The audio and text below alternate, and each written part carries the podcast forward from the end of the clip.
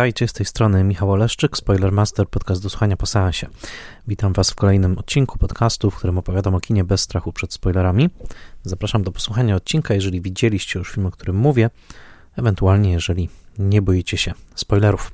Ja jestem wykładowcą Wydziału Artes Liberales Uniwersytetu Warszawskiego, a Spoilermaster jest projektem, który w całości realizuje po godzinach i którego celem, misją jest popularyzacja wysokojakościowej wiedzy o kinie.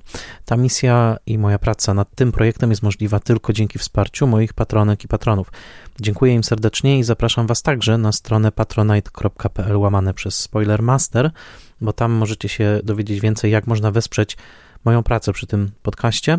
I serdecznie dziękuję patronkom i patronom na czele z patronami imiennymi. I tutaj dziękuję Festiwalowi Mediów Człowiek w zagrożeniu w Łodzi, Łukaszowi Daleckiemu, Agnieszce Egeman, Sebastianowi Firlikowi, Odiemu Hendersonowi, Beacie Hołowni, Adamowi Andrzejowi Jaworskiemu, Annie Jóźwiak, Bartłomiejowi Kłosiewiczowi, Tomaszowi Kopoczyńskiemu, Iwonie Oleszczuk-Jaźwieckiej, Krystianowi Oleszczykowi, Jannie Oleszczyk, Władimirowi Panfiłowowi, Mateuszowi Stępniowi, Weronice Więsyk, Jackowi Wiśniewskiemu, Jerzemu Zawackiemu i Tomaszowi Mączce, autorom podcastu Let's Mate Movies, Michałowi Żołnierukowi, blogowi Przygody Scenarzysty prezentującemu analizy scenariuszowe, a także portalowi Outfilm oferującemu szeroki wybór filmów o tematyce LGBT+. Ponadto Spoilermaster jest oficjalnym partnerem spaceru oscarowego, będącego częścią szlaku Łodzi Miasta Filmu UNESCO. Serdecznie zapraszam na oscarowy spacer po Łodzi. W dzisiejszym odcinku zrobię coś, co robię bardzo rzadko, to znaczy opowiem o nowym filmie polskim, konkretnie o nowym polskim filmie dokumentalnym pod tytułem Lombard w reżyserii E, Łukasza Kowalskiego, w filmie, który zdobył Grand Prix na festiwalu Millennium Dogs Against Gravity. E, rzadko sięgam po współczesne kino e, polskie, głównie dlatego, że no, ponieważ pracuję przy niektórych produkcjach fabularnych, czasami to, to mm, mam wrażenie, że już nie powinienem za bardzo mm, uprawiać krytyki filmowej w tym polu. E, ale kino dokumentalne to trochę inna e, para kaloszy. E, a poza tym od razu powiem największy spoiler, czy disclaimer, czy jak to powiedzieć. Od bardzo wielu już tygodni kombinowałem i myślałem, o jakim filmie mógłbym porozmawiać z moim dzisiejszym gościem, ponieważ chcę Wam dzisiaj przedstawić, jeżeli go jeszcze nie znacie, Karola Szafrańca, filmoznawcę, kulturoznawcę i edukatora filmowego, autora podcastu audiowizualny, audio łamane przez wizualny. E, powiem szczerze, człowieka, którego niesłychanie podziwiam i z którym uwielbiam rozmawiać o filmach. E, Karol jest bardzo aktywnym uczestnikiem webinarów Spoilermastera, które się odbywają co miesiąc na żywo. Znowu zapraszam na stronę patronajtową. Tam można się dowiedzieć, jak można w nich uczestniczyć. Natomiast Karol naprawdę daje czadu na tych webinarach, tyle powiem. I wielokrotnie miałem okazję z nim rozmawiać. Jest to człowiek naprawdę, którego inteligencję empatię, wiedzę i wrażliwość na kino podziwiam od lat bardzo. Więc y, bardzo chciałem, żeby po prostu się znalazł w Spoilermasterze, żebyście także wy mogli Karola posłuchać, a ponieważ Karol jest bardzo wyczulony też na kino dokumentalne, zresztą wpadłem na niego na festiwalu Millennium Dogs właśnie y, ostatnio, parę miesięcy temu. I także na kino polskie, jest bardzo ciekawym komentatorem kina polskiego, pomyślałem, no tak, w końcu, Lombard to jest idealny film, żeby porozmawiać z Karolem. A zatem ten odcinek jest także po to, żeby przedstawić wam e, człowieka, którego bardzo lubię i jednego z takich ludzi, którzy po prostu są dla mnie e, bardzo cennymi przyjaciółmi, e, kinomanami, z którymi o kinie bardzo lubię rozmawiać. I ten odcinek będzie właśnie rozmową o Lombardzie, o filmie, który uważam, że jest bardzo dobry, o filmie, który budzi bardzo dużo pytań, filmie, który dotyka dużo współczesnych kwestii, ale także jest po prostu świetnie zrealizowany, więc bardzo polecam Wam obejrzenie Lombardu. W momencie, kiedy nagrywam ten odcinek, Lombard jest wciąż w kinach. Mam nadzieję, że niedługo pojawi się także na platformie VOD. Dla mnie jest to jedna z lektur obowiązkowych tego roku. Warto ten film po prostu e, zobaczyć. E, a zatem zapraszam przed spoilermasterowy mikrofon Karola Szafrańca. Jest już ze mną Karol Szafraniec. Witaj Karolu, cześć. Dzień dobry, cześć. E, bardzo miło Cię widzieć. Bardzo się cieszę, że porozmawiamy o Lombardzie Łukasza Kowalskiego. E, pomyślałem, że chcę właśnie z Tobą porozmawiać o tym filmie, bo w licznych naszych rozmowach, które już nawet od całkiem paru dobrych lat toczymy prywatnie o kinie. Często mówimy o kinie polskim często mówimy o nie tylko, ale także o pewnych takich aspektach klasowych, politycznych, społecznych, tego jak polskie kino odzwierciedla to, co się dzieje w Polsce, to, co się dzieje z nami. I wydaje mi się, że film Lombard chwilami zgodnie z zamierzeniem reżysera, a chwilami może trochę niezależnie od tych zamierzeń, jest filmem, który mówi coś, coś, coś ważnego i myślę, że jest filmem, który trafia mm, w taką potrzebę, e, która w polskim kinie jest nadal bardzo zaniedbana. To znaczy mówienia o e, Polsce poprzez sytuację ekonomiczną e, bohaterów. To jest coś, o czym często zapominamy, kiedy oglądamy filmy fabularne polskie. E, zastanawiamy się ewentualnie skąd e, bohaterowie komedii romantycznych mają te mieszkania, które mają, ale to nigdy nie jest, to, to jest bardzo rzadko dyskutowane w filmach. W każdym razie, dzisiaj chciałbym, żebyśmy zaczęli od takich ogólnych, ogólnych wrażeń, ale żebyśmy oczywiście przeszli do bardziej szczegółowej analizy, więc Pierwsze moje pytanie jest do ciebie następujące. Film jest głównie reklamowany, mówi się o nim, e, dystrybutor też tak o nim opowiada, jako o komedii do, dokumentalnej, że to jest zabawny dokument. Czy ty też go tak widzisz? Czy się śmiałeś na tym filmie? Czy to jest dla ciebie komedia dokumentalna?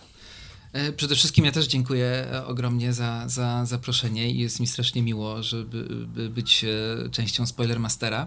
Faktycznie myślę, że te tematy, które tutaj zaznaczasz, są bardzo, e, bardzo interesujące i one się nagle trochę dzięki Lombardowi pojawiają w przestrzeni publicznej i pewnej dyskusji, chociaż ja nie jestem do końca przekonany, czy w polskim kinie tych tematów nie było. Tylko mam trochę wrażenie, że część, e, że ten temat był gdzieś zamknięty w obiegu festiwalowym, e, bo przecież polskie dokumenty opowiadały o wykluczeniu bardzo różnym, w zasadzie od samego początku tego, jak, jak one istnieją jako taka autonomiczna forma artystyczna. E, natomiast była taka niechęć części publiczności, mam wrażenie, do oglądania albo dystrybucji, żeby te filmy pokazywać, żeby je wprowadzać do kin. I teraz, kiedy Lombard się pojawił w kinie e, i kiedy m, mm, dociera do szerszej publiczności, no to nagle się jest jakieś takie otwarcie na nowy rodzaj e, opowieści i o takim świecie, o którym wcześniej nie opowiadano. Ale mm, jeśli chodzi o tą komediowość, to ja też myślę, że to jest część czegoś, myślę, że o tym później jeszcze powiemy, charakterystycznego dla pewnego nurtu polskiego dokumentu. E, umiejętność takiego słodko-gorzkiego, dowcipnego i smutnego zarazem patrzenia na e, pewien wycinek rzeczywistości, także taki tragiczny e, wycinek rzeczywistości. I to jest coś, czym nam się kino polskie w ogóle nie kojarzy, ale w dokumencie polskim jest już bardzo długo, moim zdaniem. E, czy się śmiałem? Śmiałem się ale miałem wrażenie, że e, nie wiem jak ty to odbierasz, ale zaletą Lombardu jest to, że ten film nie idzie za tym śmiechem przesadnie. E, miałem wrażenie, że e, trochę w reklamach tego filmu i faktycznie w tym, jak on jest promowany, e, takiej popkulturowości, takiej atrakcyjności, ekscentryczności jest więcej niż w samym filmie, a film jednak ma taką wygaszoną formę. On stara się nie amplifikować tego śmiechu, moim zdaniem, za bardzo. I trochę go tak równoważy z rzeczami bardziej smutnymi, tak trochę gasi ten śmiech pewnym takim dystansem. No a są też takie momenty, które w ogóle go przełamują i które jakby nas przenoszą nagle na zupełnie inny inną stronę, taką bardzo tragiczną stronę życia. E, I to się na pewno, na pewno w ciekawy sposób łączy, ale czy to jest komedia dokumentalna, to bym, ja bym tego tak nie nazwał. Moim zdaniem jest więcej komedii, bardziej komediowych dokumentalnych. Mm -hmm, mm -hmm. No właśnie, y, poruszyłeś kilka wątków, na pewno je zaraz rozwiniemy. Na pewno chciałbym rozwinąć tą, to co nazwałeś tradycją polskiego kina dokumentalnego, właśnie o klasowości, o wykluczeniu. E, gdzieś pamiętamy, my, my pamiętamy, bo roczniki nasze na to pozwalają, e, pewien wstrząs, jakim była na przykład Arizona Ewy mhm. Bożenckiej, kiedy została nadana mm, w połowie lat 90. E, zaraz otworzymy tę puszkę Pandory, mhm. natomiast najpierw jeszcze chciałbym Cię podpytać o sam Lombard. O czym ten film dla Ciebie jest najbardziej? Bo ja widzę, że ja widzę w tym filmie duże staranie i też pewien kunszt reżysera, scenarzysty, bo tak jest też napisane, tak? Scenariusz, reżyseria Łukasz Kowalski, montażystów, y, żeby zawrzeć w tych 70 paru minutach kilka historii. Tam jest historia miłosna w tle, prawda? E, jest też główna historia miłosna pomiędzy panią Jolę, Jolą i panem Wieśkiem, jak tak. zostają nam oni przedstawieni. E, jest historia kryzysu tego Lombardu, to znaczy tego, że on jest na granicy, powiedzmy, bankructwa czy jakiegoś większego kryzysu. Jest historia pomysłu tego, jak ten Lombard wskrzesić, że być mhm. może kiermasz, festyn będzie, będzie właśnie tym, a pomiędzy tymi historiami jest, y, zresztą w tej relacji miłosnej też jest pewien kryzys y, tak. pokazany. Pomiędzy tymi historiami, jak takie jest tak rozsiany po prostu y, wątki dramatów ludzkich, tych osób, które przychodzą i sprzedają rzeczy mm, po to, żeby przetrwać. I to jest jasne, że dla nich ta każda złotówka jest, jest ważna i upust pięciozłotowy, który w pewnym momencie pani Jola mhm. daje jednej z klientek, jest realnym upustem. To nie jest, to nie jest mało, tych, tak. tych, tych, tych 5 złotych. Y, licytowanie żelazka zaczynające się od jednej złotówki w moim przekonaniu mocno jakby przypomina o tym, ile jedna złotówka może ważyć y, w momencie, kiedy nasza skala odniesienia jest właśnie, właśnie taka. Więc te wszystkie tematy jakoś tak fabularnie, powiedzmy, są tu dramaturgicznie nakreślone, ale jak obejrzałeś ten film, to jaka twoja była pierwsza myśl? O czym, o czym to jest? Dwie miałem mhm. myśli. Hmm. Takie faktycznie pierwsze. No jeden to jest temat y, najczęściej poruszany, czyli jakiegoś takiego radzenia sobie z kapitalizmem i radzenia sobie w kapitalizmie e, i czasami radzenia sobie na przekór ale z drugiej strony jakby mm, takiej wiary w to, że y, bo ci bohaterowie, przynajmniej główni bohaterowie, czyli właściciele Lombardu, cały czas gdzieś wierzą w sukces. I oni wierzą w sposób czasami taki surrealistyczny.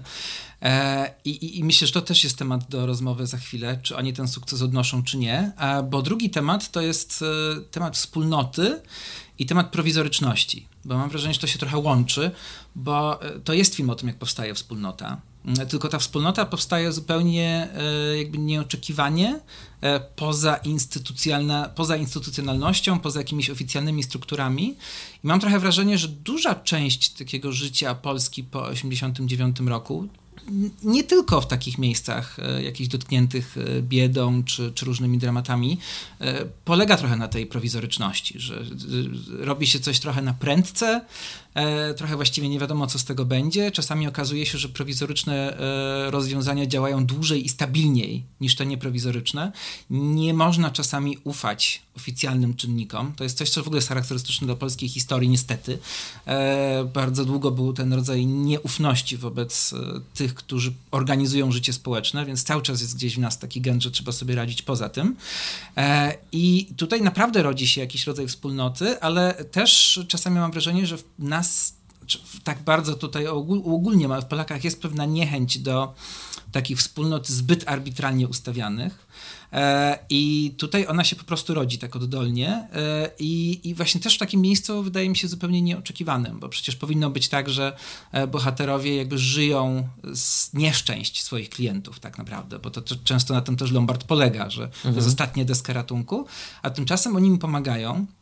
I ci, którzy tam pracują, ci, którzy te młode dziewczyny, które tam pracują, ci, którzy tam przychodzą, nagle dostają tam pewien rodzaj pomocy, czy pewien rodzaj wsparcia, który tak naprawdę powinni dostać e, w czynnikach bardziej oficjalnych, e, w jakimś systemie, który takie osoby wspiera, mhm. a oni to dostają właśnie tam.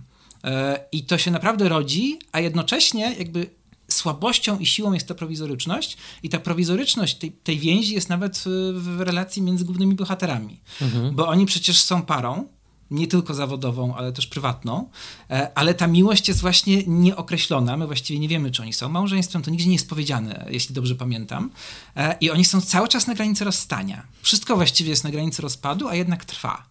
Mhm. I wydaje mi się, że to jest taki, taki, taki ciekawy wątek gdzieś, e, właśnie prowizoryczna wspólnota i radzenie sobie w obliczu tych wszystkich wyzwań kapitalistycznych. Jest takie ultrapolskie słowo, którego tak do końca nie da się przełożyć, czyli prowizorka, prawda? Co to dokładnie tak. oznacza prowizorka? Teraz też o tym pomyślałem.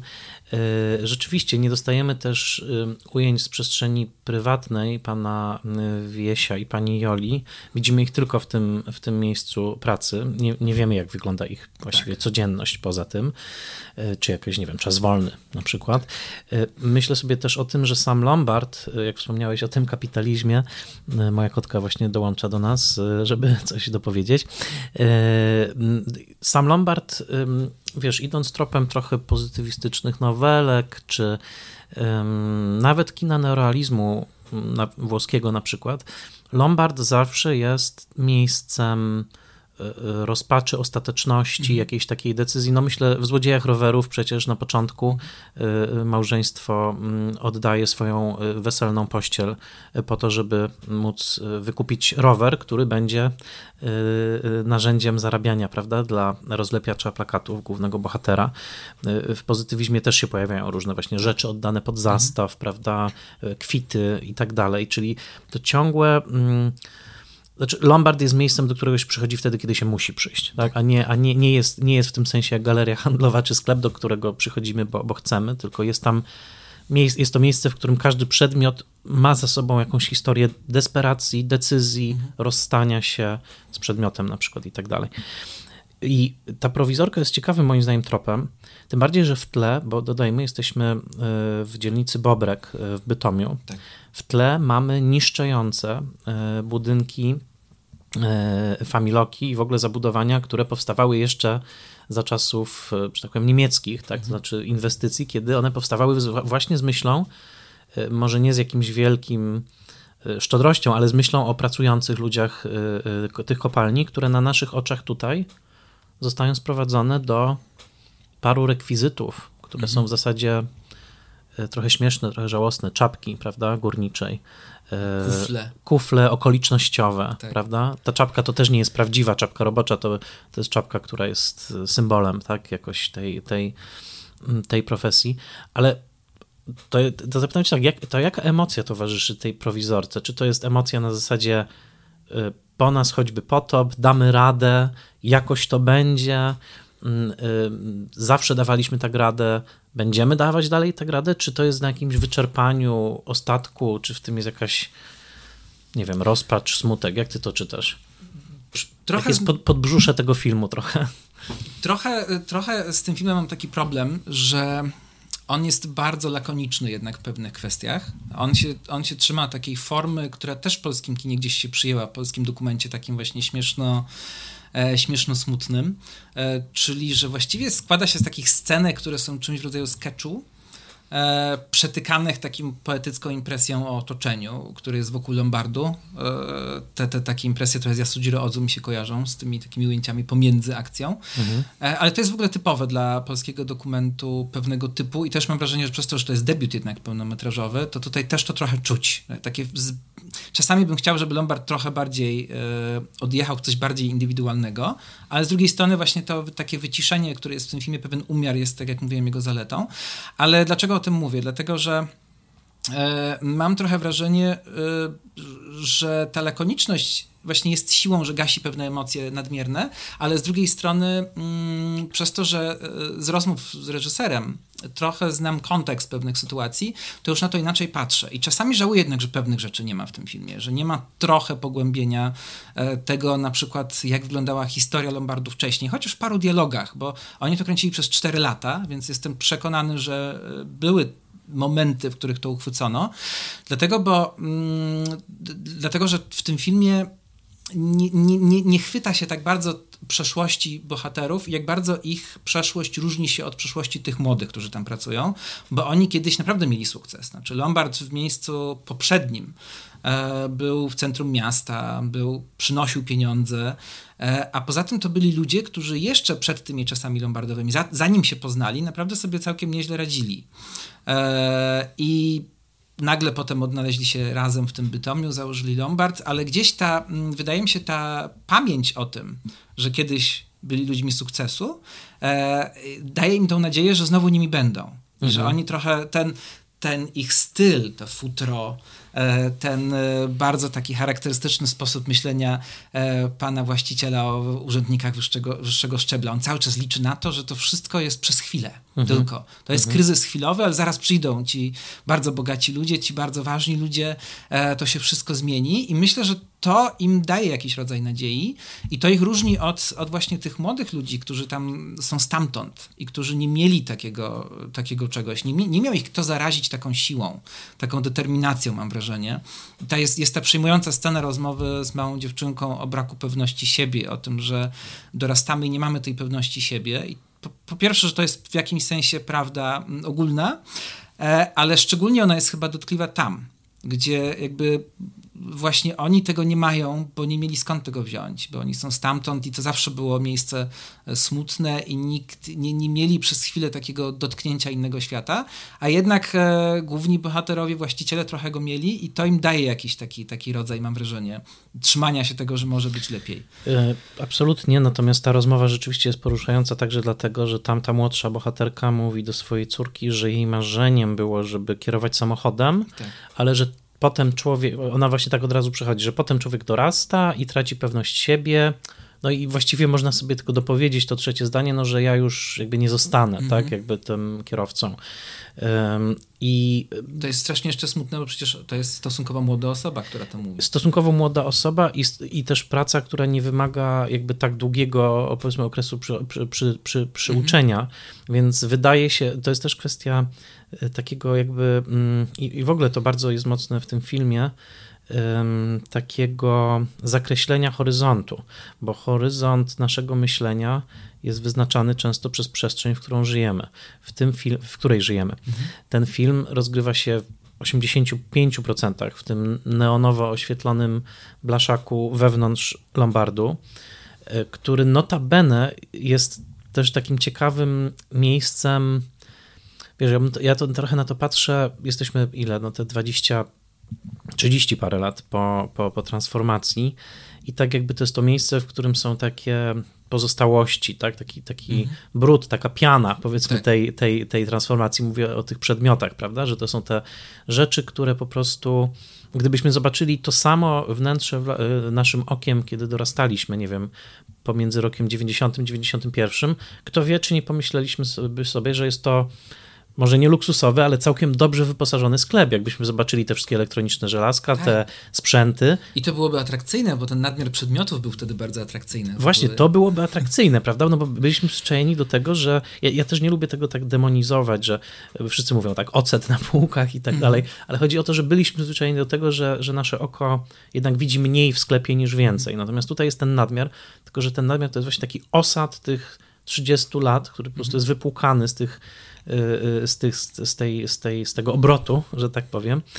No ale wracam do tej myśli o horyzoncie, że horyzontem myślenia nadal pozostaje ten, mm, ten Lombard. Mhm. I, I tutaj mam takie pytanie do ciebie, czy, czy dałoby się ten film wpisać, y, film Lombard Łukasza Kowalskiego, w jakąś taką dłuższe trwanie polskiego kina po transformacji?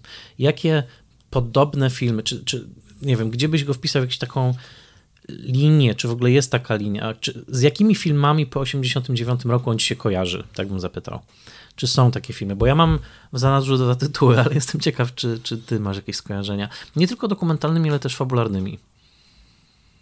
Nie wiem, szczerze mm. mówiąc. Nie, nie, mhm. nie, nie, myślałem, nie, nie myślałem o tym w ten sposób. Ja cały czas mam wrażenie, że on jakoś się łączy z pewną tradycją. Mm. Znaczy, ja, ja, jednak mam wrażenie, że on nie jest jakoś specjalnie oryginalny jako dokument, bo ja mam wrażenie, że ta E, tylko że on jest oryginalny w tym sensie, że to jest dokument, który się przedostał poza bańkę dokumentalną. Mhm. Ale ja mam wrażenie, że takich filmów już widziałem troszkę wcześniej. Mhm. E, i, I że nawet widziałem ich tak na tyle dużo, że nie jestem w stanie sobie przypomnieć konkretnych tytułów. Wiesz, mam wrażenie, że w filmach Jacka Błowuta to się okay. pojawiało, że to się, nie wiem, w filmach Wolskiego, że, że, że i, i, i, wiesz, jak się jest na przykład na, ja bardzo lubię krakowski festiwal filmowy, -hmm. gdzie ma się do czynienia z filmami, które czasami zobaczy się raz i się już ich nigdy nie zobaczy, tak, bo tak, tych tak, polskich tak. dokumentów powstaje mnóstwo, tak. e, a potem one znikają.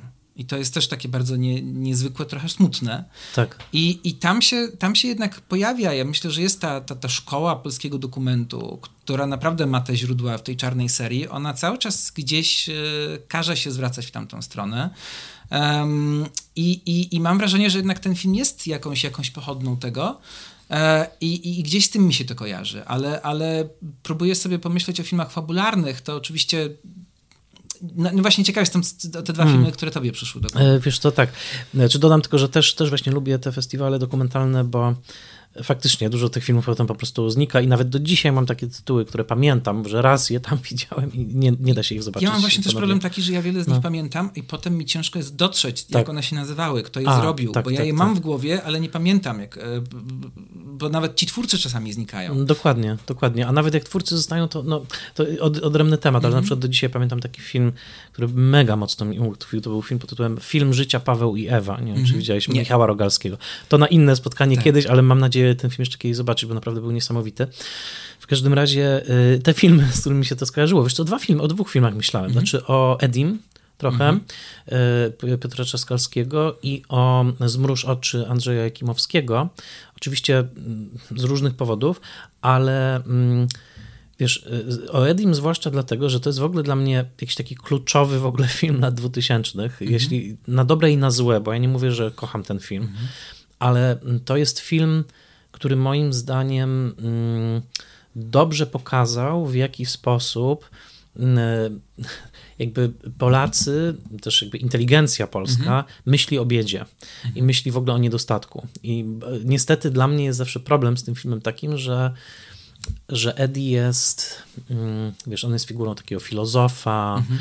takiego mhm. trochę buddyjskiego mnicha ze śmietnika. Mhm. W Edim nie dowiadujemy się tak naprawdę, jaka, jakie sytuacje życiowe, jakie systemowe, to jest to, co ty wspomniałeś, jakie systemowe niedomagania sprawiają, że ludzie lądują w takiej sytuacji jak mhm. Eddie. Mhm. E, bo mam wrażenie, że wciąż, chociaż to się zmienia, mamy absolutnie tendencję do tego, żeby spychać to wszystko na karp indywidualnej odpowiedzialności mhm. jednostki. Mm -hmm. Tak, że jednostka no, najwyraźniej tak wybrał, tak, skoro tak. jest w takiej sytuacji. Tymczasem yy, i myślę, że takie filmy jak Eddie, chcąc, nie chcąc się trochę do tego przyczyniły. Jakby, że tam nie było zupełnie tego tła, które zawsze jest, nie wiem, narysowane u Loacha, prawda, mm -hmm, że my -hmm. wiemy w paru pociągnięciach dokładnie, jaka była mhm. historia, mm -hmm. powiedzmy, ekonomiczna tego bohatera, tylko tutaj jest właśnie taki filozof, dziwak, tak, tak. E, Eddie. I trochę oglądając ten film, miałem chwilami takie, e, takie, takie wrażenie, zwłaszcza kiedy poczytałem e, o, o tym, że jest to komedia dokumentalna, prawda? I, i, I, pamiętam też odbiór tego filmu na festiwalu Millennium, Millennium Dogs. Moja kotka właśnie przeskrolowała twoje notatki, tak. nie wiedziałem, że to potrafi.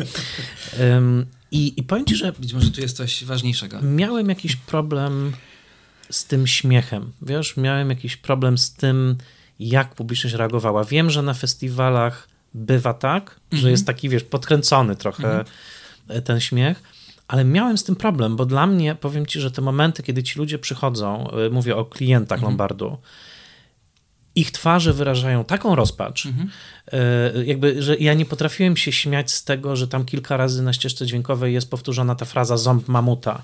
Ja wiem, że ona jest chyba zamierzona jako dziwna, absurdalna, ale ja nie potrafiłem przebić się poza to, co widzę, a widziałem człowieka w tak ogromnej desperacji, mm -hmm. tego mhm. sprzedającego mm -hmm. ten ząb mamuta, że nagle tak myślałem, co tu się dokładnie Wydarzyło. dzieje, czy ten film nie, wiesz, jakby nie ociepla tego za bardzo, e, a może to jest nasz problem jako widowni, że my nie potrafimy się mierzyć z takimi tematami. Dlatego zacząłem, zacząłem od tego pytania o komedii, jakby czy, czy w ogóle jakby... To... Czym, czym jest ten nasz śmiech na tym Lombardzie? No. To jest, myślę, temat na godzinne dyskusje, bo on dotyka strasznie wielu rzeczy, o których dzisiaj w ogóle się rozmawia. Mhm. Pewnych takich przemian kulturowych, e, tego jak podchodzimy na przykład do śmiechu, mhm. E, jak podchodzimy do kwestii właśnie społeczno-klasowych, gdzie się sami zastanawiamy nad tym, ale moim zdaniem jednocześnie rozmawiając o, o tym, bardzo łatwo wpaść w różnego rodzaju nowe pułapki. Wychodzimy ze starych, mhm. ale wpadamy w nowe. Ja się staram bardzo tego unikać, chociaż to jest oczywiście niemożliwe, żeby w ogóle w żadne pułapki nie wpaść, ale mm, bo, bo dużo tematów poruszyłeś, więc e, po pierwsze Eddie i Zmruż oczy. Mhm. Mnie się nie kojarzyły te filmy za bardzo. Ja w ogóle mam wrażenie, że e, kino fabularne jednak jest dużo słabsze e, w tym portretowaniu. Mm, tego, tych, tego środowiska skrzywdzonego. Tam jest dużo więcej arbitralności, dużo więcej takiego projektowania jakichś swoich wizji. Mam wrażenie, że jednak to kino dokumentalne trzymające się tej pewnej tradycji polskiej jest bliższe tej rzeczywistości. Czasami to ta rzeczywistość jest pokazywana e, bardziej z takiego dystansu właśnie lekko protekcjonalnego, na zasadzie pochylamy się, albo szukamy atrakcyjności i się tylko śmiejemy i jakby oglądamy taki świat, który jest bardzo zegzotyzowany. E, I to jest e, bardzo wtedy fajnie właśnie, jak publiczność z dużego miasta sobie ogląda taki, taki świat i on jest taki atrakcyjny, taki inny, oryginalny. Jest ten rodzaj śmiechu, trochę się wzruszymy i idziemy dalej. Ja się zgadzam, że taka pułapka jest i takie filmy też w tej tradycji polskiego dokumentu były. Natomiast ja jednak będę bronił Lombardu tutaj, że to jest zupełnie inne kino niż Eddie, bo, bo bo, bo, rozumiem, że przy, przytaczasz Ediego jako taki negatywny trochę. Mm, jakby w, tym, w, te, w tej perspektywie tak. tak. bo uważam, że artystycznie to był bardzo dobry film, ale jakby tak społecznie. To ja mam wrażenie, dla mnie, dla mnie Eddie mhm. jest i tu, i tu nie, nieudany. Ja, mhm. Artystycznie mam wrażenie, że on był wtedy ciekawy, dlatego bo próbował coś nowego, mhm. ale ostatecznie z perspektywy czasu wydaje mi się, że próbował słabo, albo że to jednak wiele rzeczy tam nie wypaliło zupełnie. Mhm. I że trochę to był taki jeden z wielu filmów tamtego czasu, kiedy bardzo chcieliśmy mieć dobre polskie kino mhm. i łapaliśmy się filmów, które miały w sobie jakiś potencjał, ale nie, ale nie były tak naprawdę dobre. Mhm. I robiliśmy, wynosiliśmy je jakby ponad trochę to, co one są warte, ponad, mhm. ponad, ich zasługi, robiąc moim zdaniem też trochę krzywdę twórcom tych filmów mhm. później, mhm. bo oni mieli presję ponad jakby to, co są w stanie udźwignąć. Ale mam wrażenie, że w dokumencie to wyglądało trochę inaczej i będę tutaj bronił tego dokumentu, gdzie, który jest naprawdę bardzo różny, bo właśnie w filmach Jacka Bławuta na przykład już nie ma śmiechu przecież. E, czy, czy jest rzadziej, bo to też zależy jakie filmy, ale, ale czasami jest naprawdę taka, taka, taka obserwacja mm, z bliska różnych, e, różnych ludzi, różnych grup. E, u Pawła Łazińskiego tak bywa bywało przecież też, czasami jest, czasami Paweł Łoziński tworzy takie feel good movies jak film balkonowy, ale nie zawsze też. E, natomiast e, jak mówisz o tym śmiechu, to ja tutaj akurat mam wrażenie, że, e, że faktycznie mimo tej konstrukcji takiej, jak powiedziałem, sketchowej, to jednak ja mam wrażenie, że ten śmie tego śmiechu nie jest zbyt wiele. Okay. Że on, po pierwsze ja też uważam, i to może być jakby kontrowersyjne, ale to jest dla mnie ważne i dla mnie śmiech jest ważny w ogóle. Mm -hmm. W życiu, e, w sztuce i ja się nie zgadzam trochę z coraz bardziej obowiązującym podejściem, że -hmm. śmiech jest zawsze agresywny i śmiech jest zawsze przemocowy. Mm -hmm, e, Ziemowicz Szczerek, pisarz ma taki, taki który lubi trochę mm, czasami wsadzać kij w mrowisko, ale on ma coś, z czym się absolutnie zgadzam. Nie każda beka jest szyderą. Hmm, dobra, e, dobra, nie i, tego. I, i, I to naprawdę jest tak, że moim zdaniem faktycznie tutaj e, na pewno część publiczności po prostu zobaczy atrakcyjną mhm. e, na swój sposób Jolę, tych, tych ludzi, ten świat, który jest taki ekscentryczny i sobie tak i trochę się z tego pośmieją, ale naprawdę mam wrażenie, że ten film ten śmiech łagodzi. On znajduje mhm. kontrapunkty dla tego śmiechu. E, jest kilka takich bardzo mocnych przełamań tej konwencji sketchowej. E, dla mnie jedna scena, zresztą pytałem reżysera o tą scenę, mhm. bo ona na mnie zrobiła ogromne wrażenie. E, to jest scena rozmów w ogóle o przemocy domowej, ale zwłaszcza jednej rozmowy, kiedy mhm bardzo młoda pracownica tego Lombardu przecież jest już po bardzo ciężkich doświadczeniach przemocy domowej, najpierw ze strony ojca, a potem ze strony byłego partnera. I przychodzi e, starsza kobieta, która została właśnie pobita i dostaje rady od tej młodej dziewczyny, jak sobie radzić. Jak się okazuje, jednak ta dziewczyna też ma pewien rodzaj siły, pewien mhm. rodzaj determinacji, że jakoś to będzie. I próbuje wyjść na prostą i pomaga tej kobiecie. I, I to jest jakby jedna scena, jeszcze do niej bym chciał wrócić później, ale druga, druga scena to jest scena z dziewczynką, e, której e, pani Jola daje kurtkę, żeby ją ogrzać. Tak. I to tak, jest taki tak. moment, kiedy nagle zatrzymuje się rytm tego filmu i jest bardzo długie ujęcie, takie wytrzymane na twarz tej dziewczyny. Tak, tak, tak, ona tam stoi. Mhm. Ja mam wrażenie, że jednak Łukasz Kowalski bardzo, to się nie zawsze może udać, ale bardzo chciał właśnie jednak przycisnąć parę razy ten dramatyzm. Żeby mhm. to nie była taka pocztówka e, z świata trochę ekscentrycznego, troszkę biednego. I mam wrażenie, że też ta fluorescencyjność tego Lombardu jest jednak przygaszona w przeciwieństwie do kampanii reklamowej tego filmu. Te plakaty są takie bardzo mhm. E, właśnie popkulturowe, takie pokazujące taki pewien rodzaj takiego bieda blichtru, który tam panuje, ale tego w filmie mam wrażenie nie ma. Mam wrażenie, że, że, że jednak patrzymy troszkę z boku. To jest oczywiście tylko moje wrażenie mhm. I, i mam wrażenie, że Łukasz Kowalski się stara żeby to nie był tylko zbiór skeczy. A jeśli chodzi o ten humor jeszcze, E, to jednak ja uważam, że w zgodzie z taką czeską tradycją, z pewną częścią brytyjskiej tradycji, która jest mi bardzo bliska, humor jakby służy też pewnego rodzaju oczyszczeniu, mhm. E, pewnego, no, też życie trochę takie jest, że to najbardziej, mhm. przynajmniej ja bardzo tak wierzę, to już wchodzimy w jakiś taki bardzo osobisty odbiór świata, ale ja bardzo wierzę w to, że najbardziej tragiczne elementy też mają w sobie element komiczny mhm. i że dostrzeganie tego niekoniecznie jest jakby zaprzeczaniem tej tragiczności. Mm, w pełni teraz opisałeś, jakby wiesz, filozoficzne credo, tak? Ja to rozumiem. Myślę, że czeskość jest tu bardzo ważnym komponentem. Mhm. Jeszcze, jeszcze jedną Mów. rzecz ważną, może, mhm. E, że e, myślę też, że cały czas ten dyskurs taki, czy dotyczący na przykład egzotyzacji, czasami bywa tak daleko posunięty, że on się odbywa bez udziału tych osób, które są e, bohaterami takich filmów na przykład. Mhm. I z jednej strony y, chcemy taki świat chronić czasami, ale to cały czas, nawet kiedy próbujemy właśnie mówić, o się śmiejemy z nich i ich na przykład demonizujemy, albo właśnie robimy z nich cudaków, albo tylko przedmiot śmiechu e, i tak siebie sami potępiamy za to, ale tak naprawdę wciąż nawet wtedy nie pytamy tych ludzi o to, co mhm. oni o mhm. tym sądzą, a jednak e, i mówił to Łukasz Kowalski, który ten Śląsk zna naprawdę dobrze, bo on tam mieszka. On sam mówi, że mieszka 20 minut jazdy samochodem od tego Lombardu.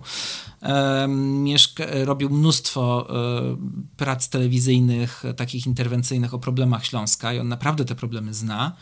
I on często też o tym mówi, że. Mm, I zresztą ja to też wiem trochę pochodząc z mniejszej miejscowości i nie z, jakby z centrum, z centrum Polski i z dużego miasta, że mieszkańcy takich mniejszych miejsc i ci, którzy są doświadczeni różnymi trudnościami, nie chcą też być tak pokazywani. Mhm, ja myślę, że mhm. czasami im o wiele mniej przeszkadza to, że na przykład ludzie się śmieją, niż niektórym e, jakby inteligentom z wielkich miast, którym się wydaje, że im to przeszkadza, mhm, ale to też jest rodzaj projekcji.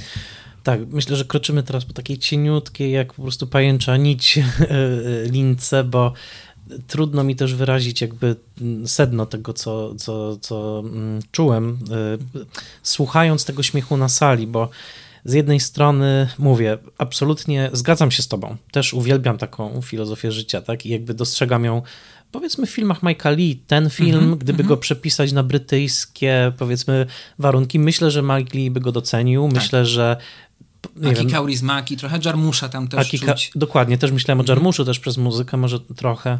Mm, y, y, I tak nie wiem, no kojarzyło mi się to na przykład z takim filmem Lee, jak Życie jest słodkie, prawda, mm -hmm, gdzie rodzina otwiera e, e, taki budkę z jedzeniem, a tak. sąsiad otwiera taką absurdalną restaurację, prawda, i tak dalej.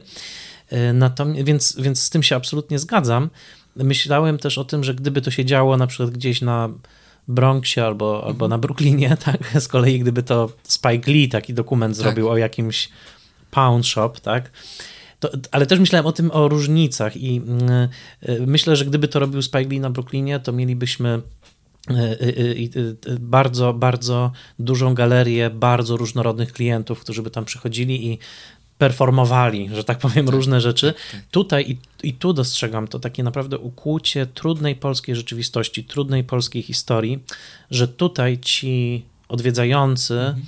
to nie są właśnie kolekcja tych barwnych osobowości, prawda, jakichś takich e, e lokalnych performerów, tylko właśnie i tu dostrzegam taki największy ból tego filmu. Mhm. Właśnie w tych twarzach, które przychodzą i widać tam ten ból, tak? tak. Widać ten stres, widać to, mm, to, ten trochę też obawy, czy to w ogóle zostanie przyjęte, czy nie. No dla mnie pod tym względem naprawdę wstrząsająca jest ta scena z tym wózkiem inwalidzkim, tak, który się tak, okazuje tak, tak, zbyt zużyty, żeby go nawet przyjąć do tego do, do tego Lombardu. I, i to, żeby... Twarz pani zbierającej puszki, ona też jest taka, w momencie, kiedy właśnie na nią patrzymy, mhm. kończy się ten rodzaj śmiechu. Tak, i to jest, i, i też nawet przez to, że film jest tak subtelnie zmontowany, tutaj naprawdę ukłon dla montażystów, że pewne te twarze nawet potem wracają przecież na tym kiermaszu, prawda? Jest mhm. pani, która mówi, że nie może pomóc w kiermaszu w smażeniu kiełbasek, bo musi się tak, zająć tak. E, niepełnosprawnym partnerem. No i potem my ją widzimy w tym tłumku, tak? Mhm. Ona jest tym partnerem, mhm. więc jakby my wiemy, jakby ten świat, on jest bardzo subtelnie, spójnie, mhm. E, spójnie mm, utkany, e, ale gdzieś w tym wszystkim właśnie tak zastanawiam się nad tą powiedzmy tą czesko, czym, czym dokładnie jest ta, ta czeskość, ale jestem ciekaw, czy się zgodzisz, bo ja tak w ogóle się zastanawiałem, jak w polskim kinie po 1989 roku jest pokazywany handel i przedsiębiorczość. Nie wiem, czy też jakby zauważyłeś coś takiego, że często jest pokazywany właśnie w takim lekko satyrycznym. E, e, e, zwierciadle. Nie wiem, czy tak, e, jakby, czy to jest trop, który w tobie coś. E, tutaj wzbudza? akurat może nie tak mhm. bardzo, mhm. natomiast e, trzeba tutaj powiedzieć, że handel i przedsiębiorczość są bardzo specyficznie rozumiane przez mhm. bohaterów i mam wrażenie, że tu jest też taka siła trochę mm, tego ich podejścia do życia, no bo oni teoretycznie powinni handlować i być przedsiębiorczy i tak sobie marzy e, szef ale oni tak naprawdę sobie sabotują ten biznes cały czas, mm.